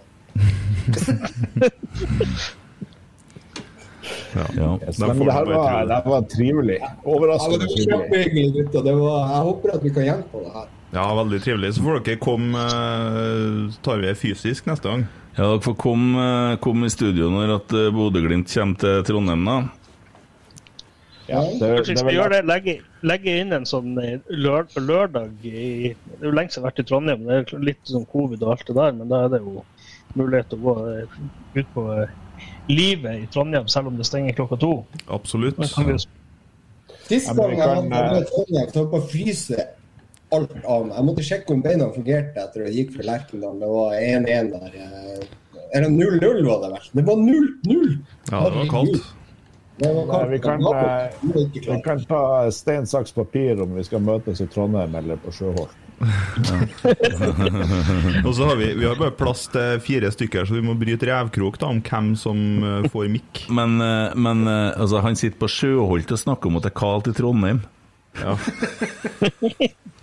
Her, her er det jo 14 grader konstant. Det er 14 grader i desember og 14 grader i juni. Så det, det, det er liksom her. Ja, nei, den, vi, nei, den eh, kampen 0-0-kampen, da hadde vi med oss eh, Reitan, eh, Skarsheim og Tagseth i livepod rett etter kamp, vi. Det var ganske spesielt. Men det ble noen. Yes, nei, men uh, vi kan jo bare si takk for stunden, og så håper vi at det blir en uh, i hvert fall rettferdig kamp med gode dommere og bra forhold. Uh, så bra som det kan bli på plastikk, da. Men, Gresset, gresset er bra, har jeg hørt. hæ? Gresset er bra, har jeg hørt. Ja, det er Der bra, er, ja. der er litt krøllete oppi, oppi det ene hjørnet der, men Hva sier en Anders Øyen med saks? ja på plastikken. Ja. Mm. Nei da, men uh, håper på rettferdige dommere og eh, gode avgjørelser. Så har vi jo mye å snakke om senere òg. Så kan vi bare si det sånn, og så ja. takker vi for stunden. Heia Rosenborg. Heia Rosenborg. Heia Glimt. Glimt, Glimt, Glimt. Oi sann. Jeg gjorde det samme igjen. da. Vent litt, nå skal vi se. Jeg skal liksom avrunde denne biten her så sånn enkelt, da. Så jeg bare gjør sånn. Ja, da var vi ferdig med guttene i nord. Ja. Så skal vi møte dem igjen på søndag. Ikke i pod, men i kamp. Ja. Hva tror dere folk syns om dette her, da? Om det vi nettopp gjorde? Ja. Jeg synes jo, De har jo litt dårligere lyd oppi der enn eh, det vi har, da. Ja. Så det ble jo litt sånn halvveis det, kanskje. Men eh, det er jo, det er jo fint da, med litt sånn forbrødring eh, podkastene imellom. Det er jo, vi trenger jo alle podene. Ja, vi gjør jo det, og det skaper jo engasjement for uh, Eliteserien, og vi vil jo ha det. Altså om uh, Skulle ønska vi kunne gjøre sånn her med Stabæk og Lillestrøm og Ikke Molde. Nei, selvsagt ikke. Har dem pod?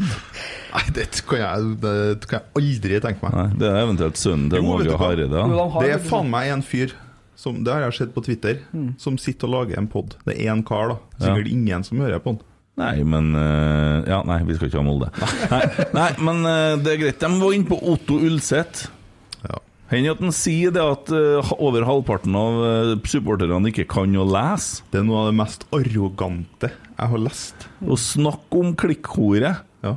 Det der blir for dumt, altså. Jeg skjønner ikke hvorfor altså Det er greit at han er kommentator og står for det han skriver, at at Nidaros ikke gjør det, men han er nå ansatt i Nidaros, ikke sant? Ja. Kan ikke de eh, ta seg en prat med han? Det, er ikke greit, men uh, Det du sa eller hva, ikke gjorde eller gjorde, rødt kort gjemt deg bort. Stakk av for fort i sekundpinnelig stillhet, er da fort gjort. Rotsekk. Det du sa eller hva, ikke gjorde eller gjorde, rødt kort gjemt deg bort. Stakk av for fort i sekundpinnelig stillhet, er da fort gjort. Rotsekk. Kan bytte ut rotsekk med ullsett der snart, for det er faen meg ikke første gangen. Men uh, nå kommer en Emil. Ja, Nei, han kommer ikke. Jeg, jeg melder meg, han kommer ikke. Drit i Emil. Han, uh, Nei, Ikke drit i Emil. Nei, jo, akkurat nå. Vi trenger ikke sitte og vente på den i hvert fall. Nei, det, det er noe annet sak. Ja. Ehm, bare minne litt om uh, Nea radiokonkurransen, hvis det er greit. Jeg setter veldig pris på om dere som ennå sitter og hører på. Uh, kommer jo selvsagt etter to timer her, her faktisk. Eh, gå inn på nearadio.no. Og så stem på Trøndertoppen og gi et liv i sort og hvitt en stemme, så hjelper det veldig på. Eh, de legger sammen stemmer, de legger sammen streams og har vunnet tre uker på rad, og det er jo stas. Men det- har du funnet ut om det, har du funnet ut om det gir deg noe, eller hva, hva er det Nei, for det altså, poenget er jo at uh, da er jeg jo som musikeren Kent Aune, og det å være på førsteplass på hvilken som helst liste er jo uansett positivt, Ja, og fremmer jo sangen. Men blir den da spilt oftere på Nea Radio, vet du? Det tviler jeg på. Jeg tror ikke Nia Radio spiller så mye Kent Aune, jeg skjønner ikke hva det kan ha noe med å gjøre, men uh, Det var vel en Instagram-profil? det neste låta nå, jeg og Arnfinn, den tror jeg kommer til å bli en slager. Ja. Ja.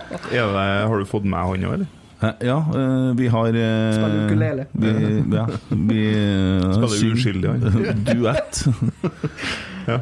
Uh, en coverlåt av Poison med Alice Cooper, faktisk. Toxic av Britney Spears. Eh, så Nei da, det mm. Ja, nok om det. Men eh, koselig. Og setter jo selvsagt pris på at sangen er så mye spilt som den er. da Den har jo passert 100 000 streams, og det er jo helt, helt, helt vanvittig artig. Tenk, tenk deg hvor rått det har vært å få til 13 på rad. Ja.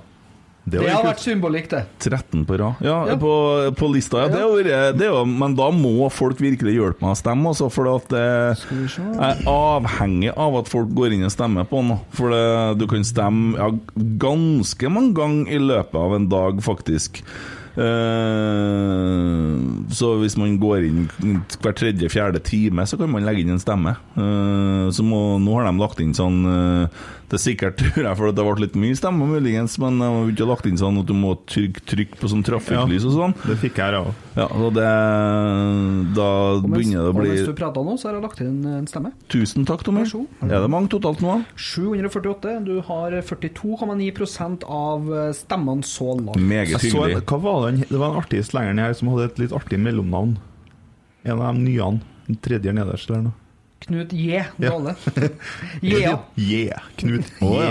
Ja, ja, ja. Artig navn, det. Eh, nei, men eh, det er jo eh, Siste uke så fikk jeg jo 1700 stemmer. Åge Sten Nilsen fikk 12, og Åge Sten Nilsen kom på andreplass. Og Odd Ingehovd fikk 1200 stemmer, så det er noe sånn veldig mye med streamsen, så det hjelper på å bli streama, for å si det sånn. Men det er jo summen av et eller annet regnestykke som de foretar seg der på den radiokanalen. da. Eh, så enn så lenge så bruker jeg nå snappen og promoterer litt og sånne ting, men uh, ja, og det er noe artig på det at det er kult. Og så jo det på onsdag når jeg spilte på Losjen, at 400 stykker sang med fra første, første ord i første vers, og det var veldig emosjonelt og utrolig sterkt. Det var sesongens første Rosenborg-relaterte, hvis jeg skal si det, gåsehudøyeblikk. Ja. Hårene reiste seg. Det var Jeg bare Jeg, jeg tok meg sjøl at jeg stoppa en tur når eh, Kent begynte å kjøre allsang, bare for å få høre. Enn om du bare kunne ha filma litt, sånn, så jeg kunne ha hatt et lite klipp av det. Jeg orka ikke å få kjeft for at det var dårlig lyd eller feil sånn, vinkel. ja, eller sånne det, ja. Jeg har nok noen minner fra det, men annet enn inni hjertet. I går spilte jeg for noen bedrifter som hadde samling før DD-konserten, og starta med den sangen òg. Det var klokka fire på dagen, og satt der folk og grein. Så det, Ja, det er tydelig at det, den beveger folk, da. Men uh, veldig fint. Og da traff jeg en som kjente mor di. Sier du det? Kom og fortalte meg etterpå. Og han visste om han karen jeg hadde laga den sangen om. Ja. Så kunne han fortelle meg noen historier der. Så, jeg kjenner jo han veldig godt, og så videre. Så videre. Så Skal vi snakke sammen etterpå? det kan vi gjøre. Vi trenger ikke ta det her. Men eh, ja, next tema. Det har vært et medlemsmøte i Rosenborg ballklubb, og eh, det som har vært da poenget, det er sammenslåing, eller fusjon, da. Eh, Det er jo noen som er litt grann skeptisk til fusjon, og det, det kan jeg forstå. Mitt inntrykk, og da snakker jeg ikke for Rotsekk, men for Kent Aune personlig, er at jeg var med på en eh, slags eh, Hva skal jeg si? Eh, det ble veldig Hva heter det når du har sånn massiv, ensidig eh, propaganda? Eh, der alt handla om at det her måtte bli en fusjon, fordi at jentene var sjanseløse uten. Jeg er uenig i det, fordi at jentene spiller på Rosenborg i dag òg. Det det er snakk om, det er om man skal ha ett eller to organisasjonsnummer. Så kommer det noen synspunkter eh, der man snakker om eh, at uh, man skal Hva skal jeg si? Jeg datt ut litt her nå. Uh, Emil driver og roter borti bordet her. uh, I forhold til at hvis du mener å er imot fusjon, så er du altså en kvinnehater. Det er jeg ikke. Jeg har fem døtre. Uh, og selvsagt så vil noen av dem her begynne å spille fotball, og de har jo all mulighet til å spille på Rosenborg Kvinner. Uh, de bryr seg ikke om det er et felles organisasjonsnummer eller ikke. Så er det noe med markedsverdi, og så er det noe med Hvis du slutter å se på det som gutt-jente, men du ser på det som stor og liten bedrift, så har du ei stor bedrift og ei lita bedrift. Og den lille bedriften står og argumenterer hardt for at de her bedriftene må bli til ei. Nå argumenterer også styret i den store bedriften. Eh, Men om man fusjonerer nå, så blir det uansett ikke gjeldende før 1.1, for at man kan ikke gjøre det når sesongen er i gang. Eh, Og da forstår ikke jeg hvorfor ikke årsmøtet kan vente til november for å se om denne lille bedriften, som òg har blodrøde tall, klarer å gjøre noe for å rette opp sin økonomi. For den store bedriften har òg litt utfordringer med økonomien. Og da tenker jeg at man kan jobbe hver for seg og se om man får til ting her. For at den ene lille bedriften har litt lavere markedsverdi i form av det at det er veldig liten markedsverdi, for det er ikke noe folk på kampene. Det er veldig lite folk på kampene, så man har ikke mye innkom. Og sponsorene de er jo der allikevel, for begge delene heter Rosenborg. Jeg skjønner ikke noe annet. Og så Bortsett fra en banksjef som går ut og prøver å påvirke demokratiet med et synspunkt der, det blir for meg helt feil. Og min oppfordring og ønske er at vi venter til november-desember, som en Joakim sa så klokt. For jeg forstår ikke hvorfor det er så viktig å gjøre det nå. Jeg forstår ikke. Det haster ikke i det hele tatt. Kan ikke prøve å få hjulene til å gå rundt litt først. Og så får vi se da, hva den lille bedriften òg kan tilføre den store bedriften. For at frykten, som man ikke har fått sett, er at det blir et sugerør i nedi kassa til den store bedriften. Og så snakker man om å lønne eh, jenter profesjonelt. Skal man da plutselig bare poff, så har man masse penger, da. Hvor kommer de pengene fra? da? 18 proffspillere, det. Ja. Må det være, da. Det spørs jo om det står noen sponsorer på gjerdet her og er villige til å spytte inn mye mer penger. Men det Sponsorene er jo der allerede. De har jo vært i Jo, hele tida og signa Men, sponsorkontrakter. eh, Du var jo inne på han eh, banksjefen. Det høres ja, jo ut Skift som bank, eh, da. Ja, men høres jo kanskje ut som at eh, det er noe goder i eh, bunnen her, da, hvis det blir fusjon. Nei, men de, Det er jo en avtale, de står jo på drakta, det er jo greit. Mm. Hvis at Sparebank1 har et problem med at man vil vente med fusjon for å se at man lager to levedyktige bedrifter som skal, altså, og får dem levedyktige sånn, eller før, før man fusjonerer dem. For at det hjelper ikke å fusjonere nå, for at vi får ikke være fusjonert før 1.1 uansett. Da har vi faktisk nesten et år på å se at ting fungerer. da. Det som eh, skremmer meg mest, det er jo informasjonsflyten. Eh, Det å skulle sitte i en workshop og, og jobbe med, en, med noen spørsmål der du ikke får til å svare på de to første, fordi at du har ikke fått et grunnlag nok til å, å faktisk komme med ei oppriktig mening. Um, og, og for all del, jeg syns uh, uh, Engen uh, Ja, og og Cecilie, som var oppe og um, prata på vegne av RBKK, de kom med en uh, veldig god og fin for, på en måte uh, info fra deres side. Men fra vår side, altså fra vårt eget styre, eh, så er det fryktelig mangelfull informasjon. Eh, jeg syns det er fryktelig dårlige svar på de spørsmålene som blir stilt i det medlemsmøtet, uten at jeg skal gå i dybden på det. Og eh, jeg har på en måte vært positiv til fusjon, og det, jeg tror ikke at folk er negative til det. Men når informasjonsflyten ikke er der, når på en måte fakta ikke blir lagt på bordet, og en femårsplan som, som etterspørres, ikke kan legges frem, da er jeg ikke interessert i å stemme for det på årsmøtet nå, altså. Nei, Og så er det risikoen i det å gå inn i det her. her. Fordi at Rosenborg Kvinner de kommer med et anlegg på Lade, men det anlegget på Lade er veldig belånt. Det var ikke 45 millioner gjeld på det? Så man, ja, så man kommer da med en veldig minus eh, inn i det her. her. Og da faller argumentet med det anlegget og det merverdiene i anlegget bort. Det å drive samdrifte anleggene krever uansett like mye folk som det er i dag. Så det spiller ikke så stor forskjell for meg. Eh, Det å høre de guttene eh, stå og ja, snakke om det de gjør i forhold til å få oppfylt drømmene For at jenter skal få oppfylt drømmene, så er det fortsatt Rosenborg. Det heter Rosenborg. Ikke sant? Drakta er der. Ja. Og, Navnet er der. og Men det er vel den muligheten eh, det gir sånn at, Altså den muligheten for å være profesjonell, helproff kvinnelig ja, men hvem er det som skal finansiere det, da? Nei, det er jo Rosenborg.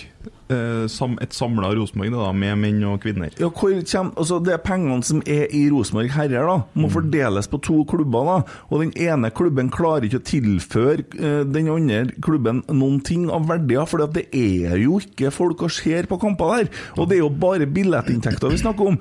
Altså, er ikke interessert i å snakke om sponsorbilletter, for at de draktene er trykt opp, der står sponsorene, avtalene er skrevet, så det er greit. Men kanskje f.eks.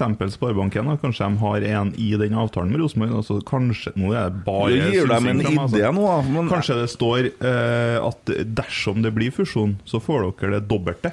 Det er ikke sånn, vet du. Nei, jeg vet ikke. Nei. Og da må vi få se det, da. Jeg bare leter Og det er jo svar her, veldig mangelfullt, for vi får ikke se det. Ja, og det er akkurat det jeg mener, da. Ja. Hvis vi skal sitte her og si at eh, vi, vi er med på det, vi ønsker å selvfølgelig eh, legge til rette, eh, så, så må Rosenborg ballklubb ved sittende styre legge fram både tall, legge fram informasjon, hvordan det er tenkt, og de må levere den femårsplanen som ble etterspurt av årsmøtet for to år siden. Det har de ikke gjort. Det klarer de ikke å levere nå.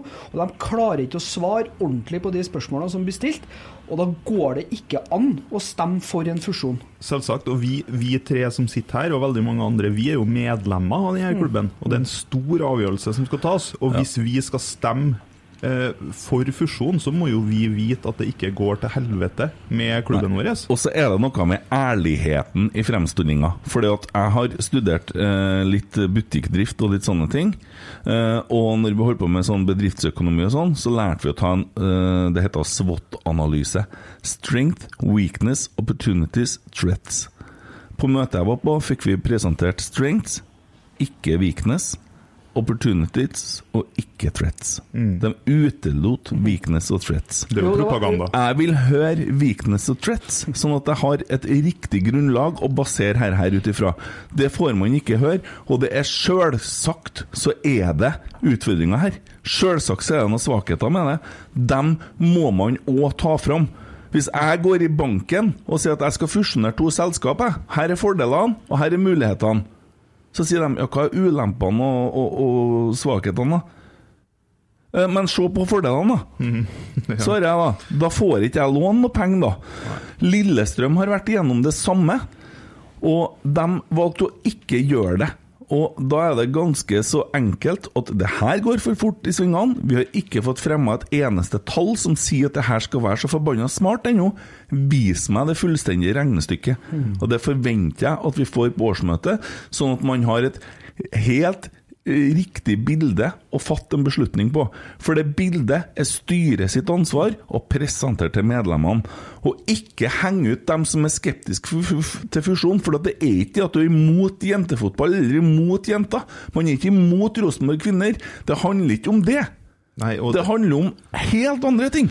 Jeg kunne ha ja, Unnskyld, Tommy. Nei, og da, da sporer man jo av i debatten. Og så er det jo et veldig godt poeng det Kent kommer for, for Lillestrøm kvinner. dem- altså, det har vært i mange år. Og det har fungert veldig bra, det. Lillestrøm kvinner har vært en av de mest toneangivende damelagene i, i norsk eh, toppserie i masser av år. De har hatt Syrstad Engen og hatt Guro Reiten og alle toppspillerne. De dro til Lillestrøm dem, fordi at de ville bli best mulig fotballspillere så de skulle komme seg videre ut i Europa. Så, så det, det, er ikke noe, det, det er ikke noe problem å satse uten å være sammenslått. Mm. Det, det, det finnes ikke et problem der. Nei, Annet enn at da må de jobbe ved siden av, og det er urettferdig. Ja, det er urettferdig. Jeg er jo artist, men jeg, har ikke, jeg får ikke spille i Oslo, nei, i Trondheim Spektrum for 11 000 på lørdagen. Jeg måtte spille for byggmaker på Prinsen. Det er urettferdig. DDE må gi meg litt av honoraret de fikk, for at jeg òg skal få litt større arena. ja, men arenaen er tom, da. Sant? Altså, det, det kan ikke være sånn. For det er, altså, det kan ikke være sånn romantikk inn i økonomi. Og så en annen ting. Det lånet på 45 millioner på, på, på Lade, det, med 4% så utgjør det 2 millioner i årlige rentekostnader. Og nå er det krig, og renta er på tur opp. Det vil si at det er enda skumlere. Hva som skjer da? Hva som skjer da, hvis at vi sitter og eier dere der, og må bruke enda mer penger på å finansiere dere der òg? Hva som skjer da med Rosenborg? Nei, vi har ikke råd til å holde det og det, eller vi har ikke råd til den spilleren, eller altså, Det er ikke noe det, det er det jeg frykter. Vis meg at ikke det blir sånn. Ja. Men du sa det at det var ikke noe threats. Og Ja. det var det jo. Det var jo ett poeng. Aha. At omdømmemessig så vil det være en katastrofe å ikke slå det opp. Det vil ikke være det hvis man håndterer ting rett, for man får ikke fusjoner uansett før 1. januar. Nei, men, men det, det jeg syns er litt sånn spesielt, da, at det ble en liten Det var den ene skulle til si risikoen som Mm. ble presentert fra styret, som nesten en pekefinger. At ja, hvis ikke dere Nei, men det, det, er jo, det, er jo, det er jo ikke en risiko. Nå snakker jeg om en risiko ved å gjøre det. Ja, ja. Nå, nå sier du en risiko ved å ikke gjøre det. Men altså, ved å gjøre det, så er det risiko. Ved å gjøre det, så er det noen trusler. Ved å gjøre det, så blir det noen utfordringer. Dem må man få lagt fram. Ikke sånn Ja, vi har sett på, vi har sett på Manchester City. Hva faen? Manchester City, hva de får pengene sine fra dem, da? Folk som tar livet av folk. Sant? Det, det går ikke an, det. Og så sitte og se på, på sånne klubber, for vi er ikke der. Og jeg, jeg, så syns jeg òg det er et eh, Beklager, men jeg syns òg det er et eh, spesielt poeng at NFF, når vi da spør ja, men eh, hva, hva er liksom fordelene ved å bli sammenslått? Da? Er, hva er oppsiden? Hva har dere funnet ut? Nei, Det hadde de ikke noe godt svar på, for de har ikke kommet så langt i på en måte forskninga på det ennå. Ja, Og det er litt jeg bare For å avslutte for min del, så tenker jeg at det er ingenting som hadde, Altså, jeg vil gjerne at det skal bli fusjon, Mm. men da må vi eh, få se tallene, vi må få se planen, og vi må bli forsikra om at det her er bra for begge parter. Mm. Og per nå så er det ikke sånn. Nei. Mm. Oi, her fikk jeg en melding. Må bare dele en positiv happening fra helga til mannen. Han syns det var bedre med middag og underholdningen fra deg enn med DDE-konserten. Han har ikke hørt deg tidligere, og har ikke vært med på seminarer. Yes. Så hyggelig, da. Det var koselig. Da skal jeg i hvert fall ha mer penger. Nei, men eh, det var vår bønn til fusjon. Legg fram alt og gjør det tydelig, og ja, vær raus med medlemmene som eh, er engasjert, fordi at vi trenger alle som er engasjert, og respekter det. Og kommunikasjon er en vanskelig øvelse. Eh, Det har vi jo lært i Rotsekk her òg. Sitter noen og hører med motsatt øre her òg, og syns vi er sånn og sånn og sånn. Greit. Men øh, vær så snill og vent med å fusjonere til, til jul, da. For da får vi nå se da, hvordan man klarer å forsvare utgiftene på hver sin kant først. Så ikke vi lager et eh, større hull i den skuta enn hva vi eventuelt er nødt til. Ja, nei, men da gir vi dem åtte måneder. Mm. Legg fram tallene, legg fram plan, vis oss hva vi stemmer for. Det er det vi håper på, og det, det håper blir et alternativ på årsmøtet. Og håper at noen som eh, Tom Magnus og dem som er tøffe og prater på møter, og som er litt garva uh, Han var veldig bra, forresten, syns jeg. Og Christer, ikke minst òg. Og hylle det de gjorde oppå kjernetribunen også på åpen dag. Vi må kåre dagens rotsekk, så vi får avslutta denne skiten her. Hvem er det, da? Jeg vet da faen, jeg. Hvem er dagens rotsekk? Hva som har skjedd? Å, det har skjedd ganske mye. Uh... Ole Sæter, da? igjen. Hva, hva det er med deg og Ole Sæter? Hva Nei, som feiler deg? Jeg bare la merke til den tweeten han la ut etter uh, Ja, den var fin, den. da Han skal få for den. Ja, det var en fin en. Men jeg lurer på, det er sikkert på moras Tomme sagt det ganske ofte. Hva som feiler deg? Daglig. Ukentlig. Månedlig. Årlig. Du, vi Nei. Ombestemt da Ja, ellers så er det jo eh, til dem som nå måtte være ansvarlig for Åpen dag, da. Ja, det kan vi jo gi. Åpen dag-arrangementet. Det var meget vellykka. Ja. Om Bjørnis. Ja. Bjørnis og Kjernen, Philip, Gatelaget Everything. Ja. ja. Nye draktene, hva syns du om dem nå? Jeg syns de var dritfine. Tommy har jo selvfølgelig ikke peiling der, men eh, Det var ikke hjemmedrakta. Bare for å presisere det. Nei, ja. mot For det var, hva som var galt med bortedrakta? Den var jo ikke fin. Den var fin. da. Den er jo ikke fin. Å, herregud. Det er sånn grå Den trekant. var ikke- Hvis den har vært sånn grønn, sånn som du har på Jo, men det får ikke de lov til. Så du, du skjønner at dere der var gjort før Før det som skjedde med Nils Arne skjedde? Du skjønner Ja, det var gjort ja. før det? Ja, men den blir ikke finere fordi om det var gjort før. Men den var ikke like fin som hjemmedrakten. Det var ikke Det var ikke en sju av ti, i hvert fall. Jo. Ja, får lyst til å kjøpe bortedrakta, altså. Hæ? Nei, jeg skal ha hjemmedrakta, for jeg kjøpte bortedrakta i fjor. Nei, men uh, dagens rotsekk, arrangegreiene her som hadde dere greiene, det var kjempegreier. Ja, dritgreier. Dagens rotsekk.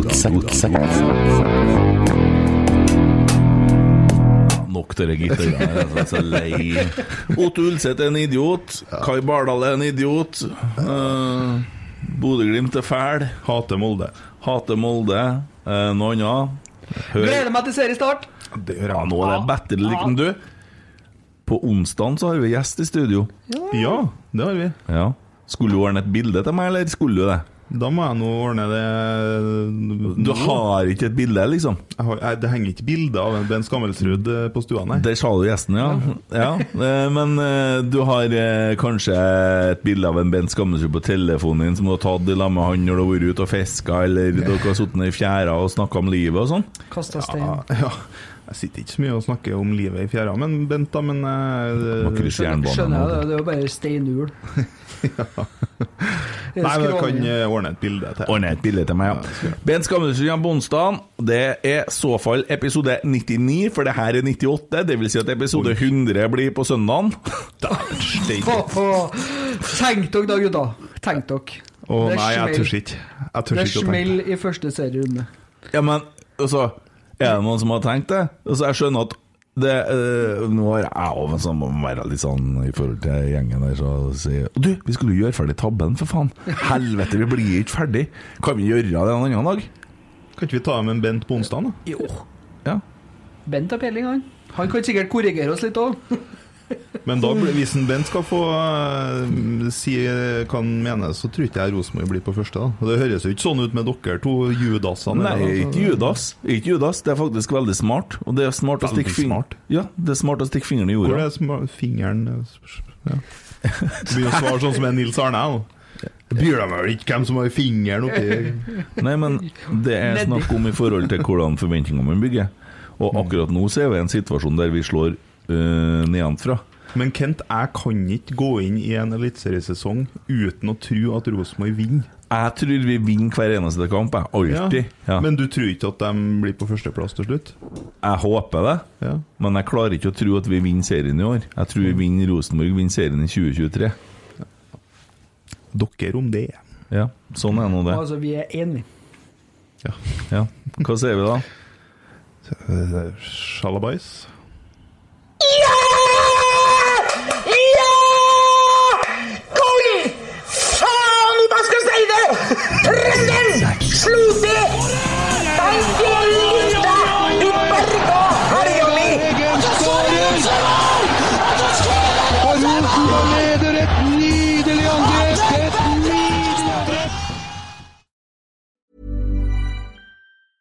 Mom deserves the best, and there's no better place to shop for Mother's Day than Whole Foods Market. They're your destination for unbeatable savings, from premium gifts to show-stopping flowers and irresistible desserts. Start by saving 33% with Prime on all body care and candles. Then get a 15-stem bunch of tulips for just $9.99 each with Prime. Round out Mom's menu with festive rosé, irresistible berry chantilly cake, and more special treats. Come celebrate Mother's Day at Whole Foods Market. Even when we're on a budget, we still deserve nice things.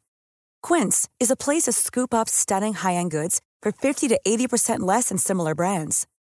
They have buttery soft cashmere sweaters starting at $50, luxurious Italian leather bags, and so much more. Plus, Quince only works with factories that use safe, ethical, and responsible manufacturing. Get the high-end goods you'll love without the high price tag with Quince. Go to quince.com slash style for free shipping and 365-day returns.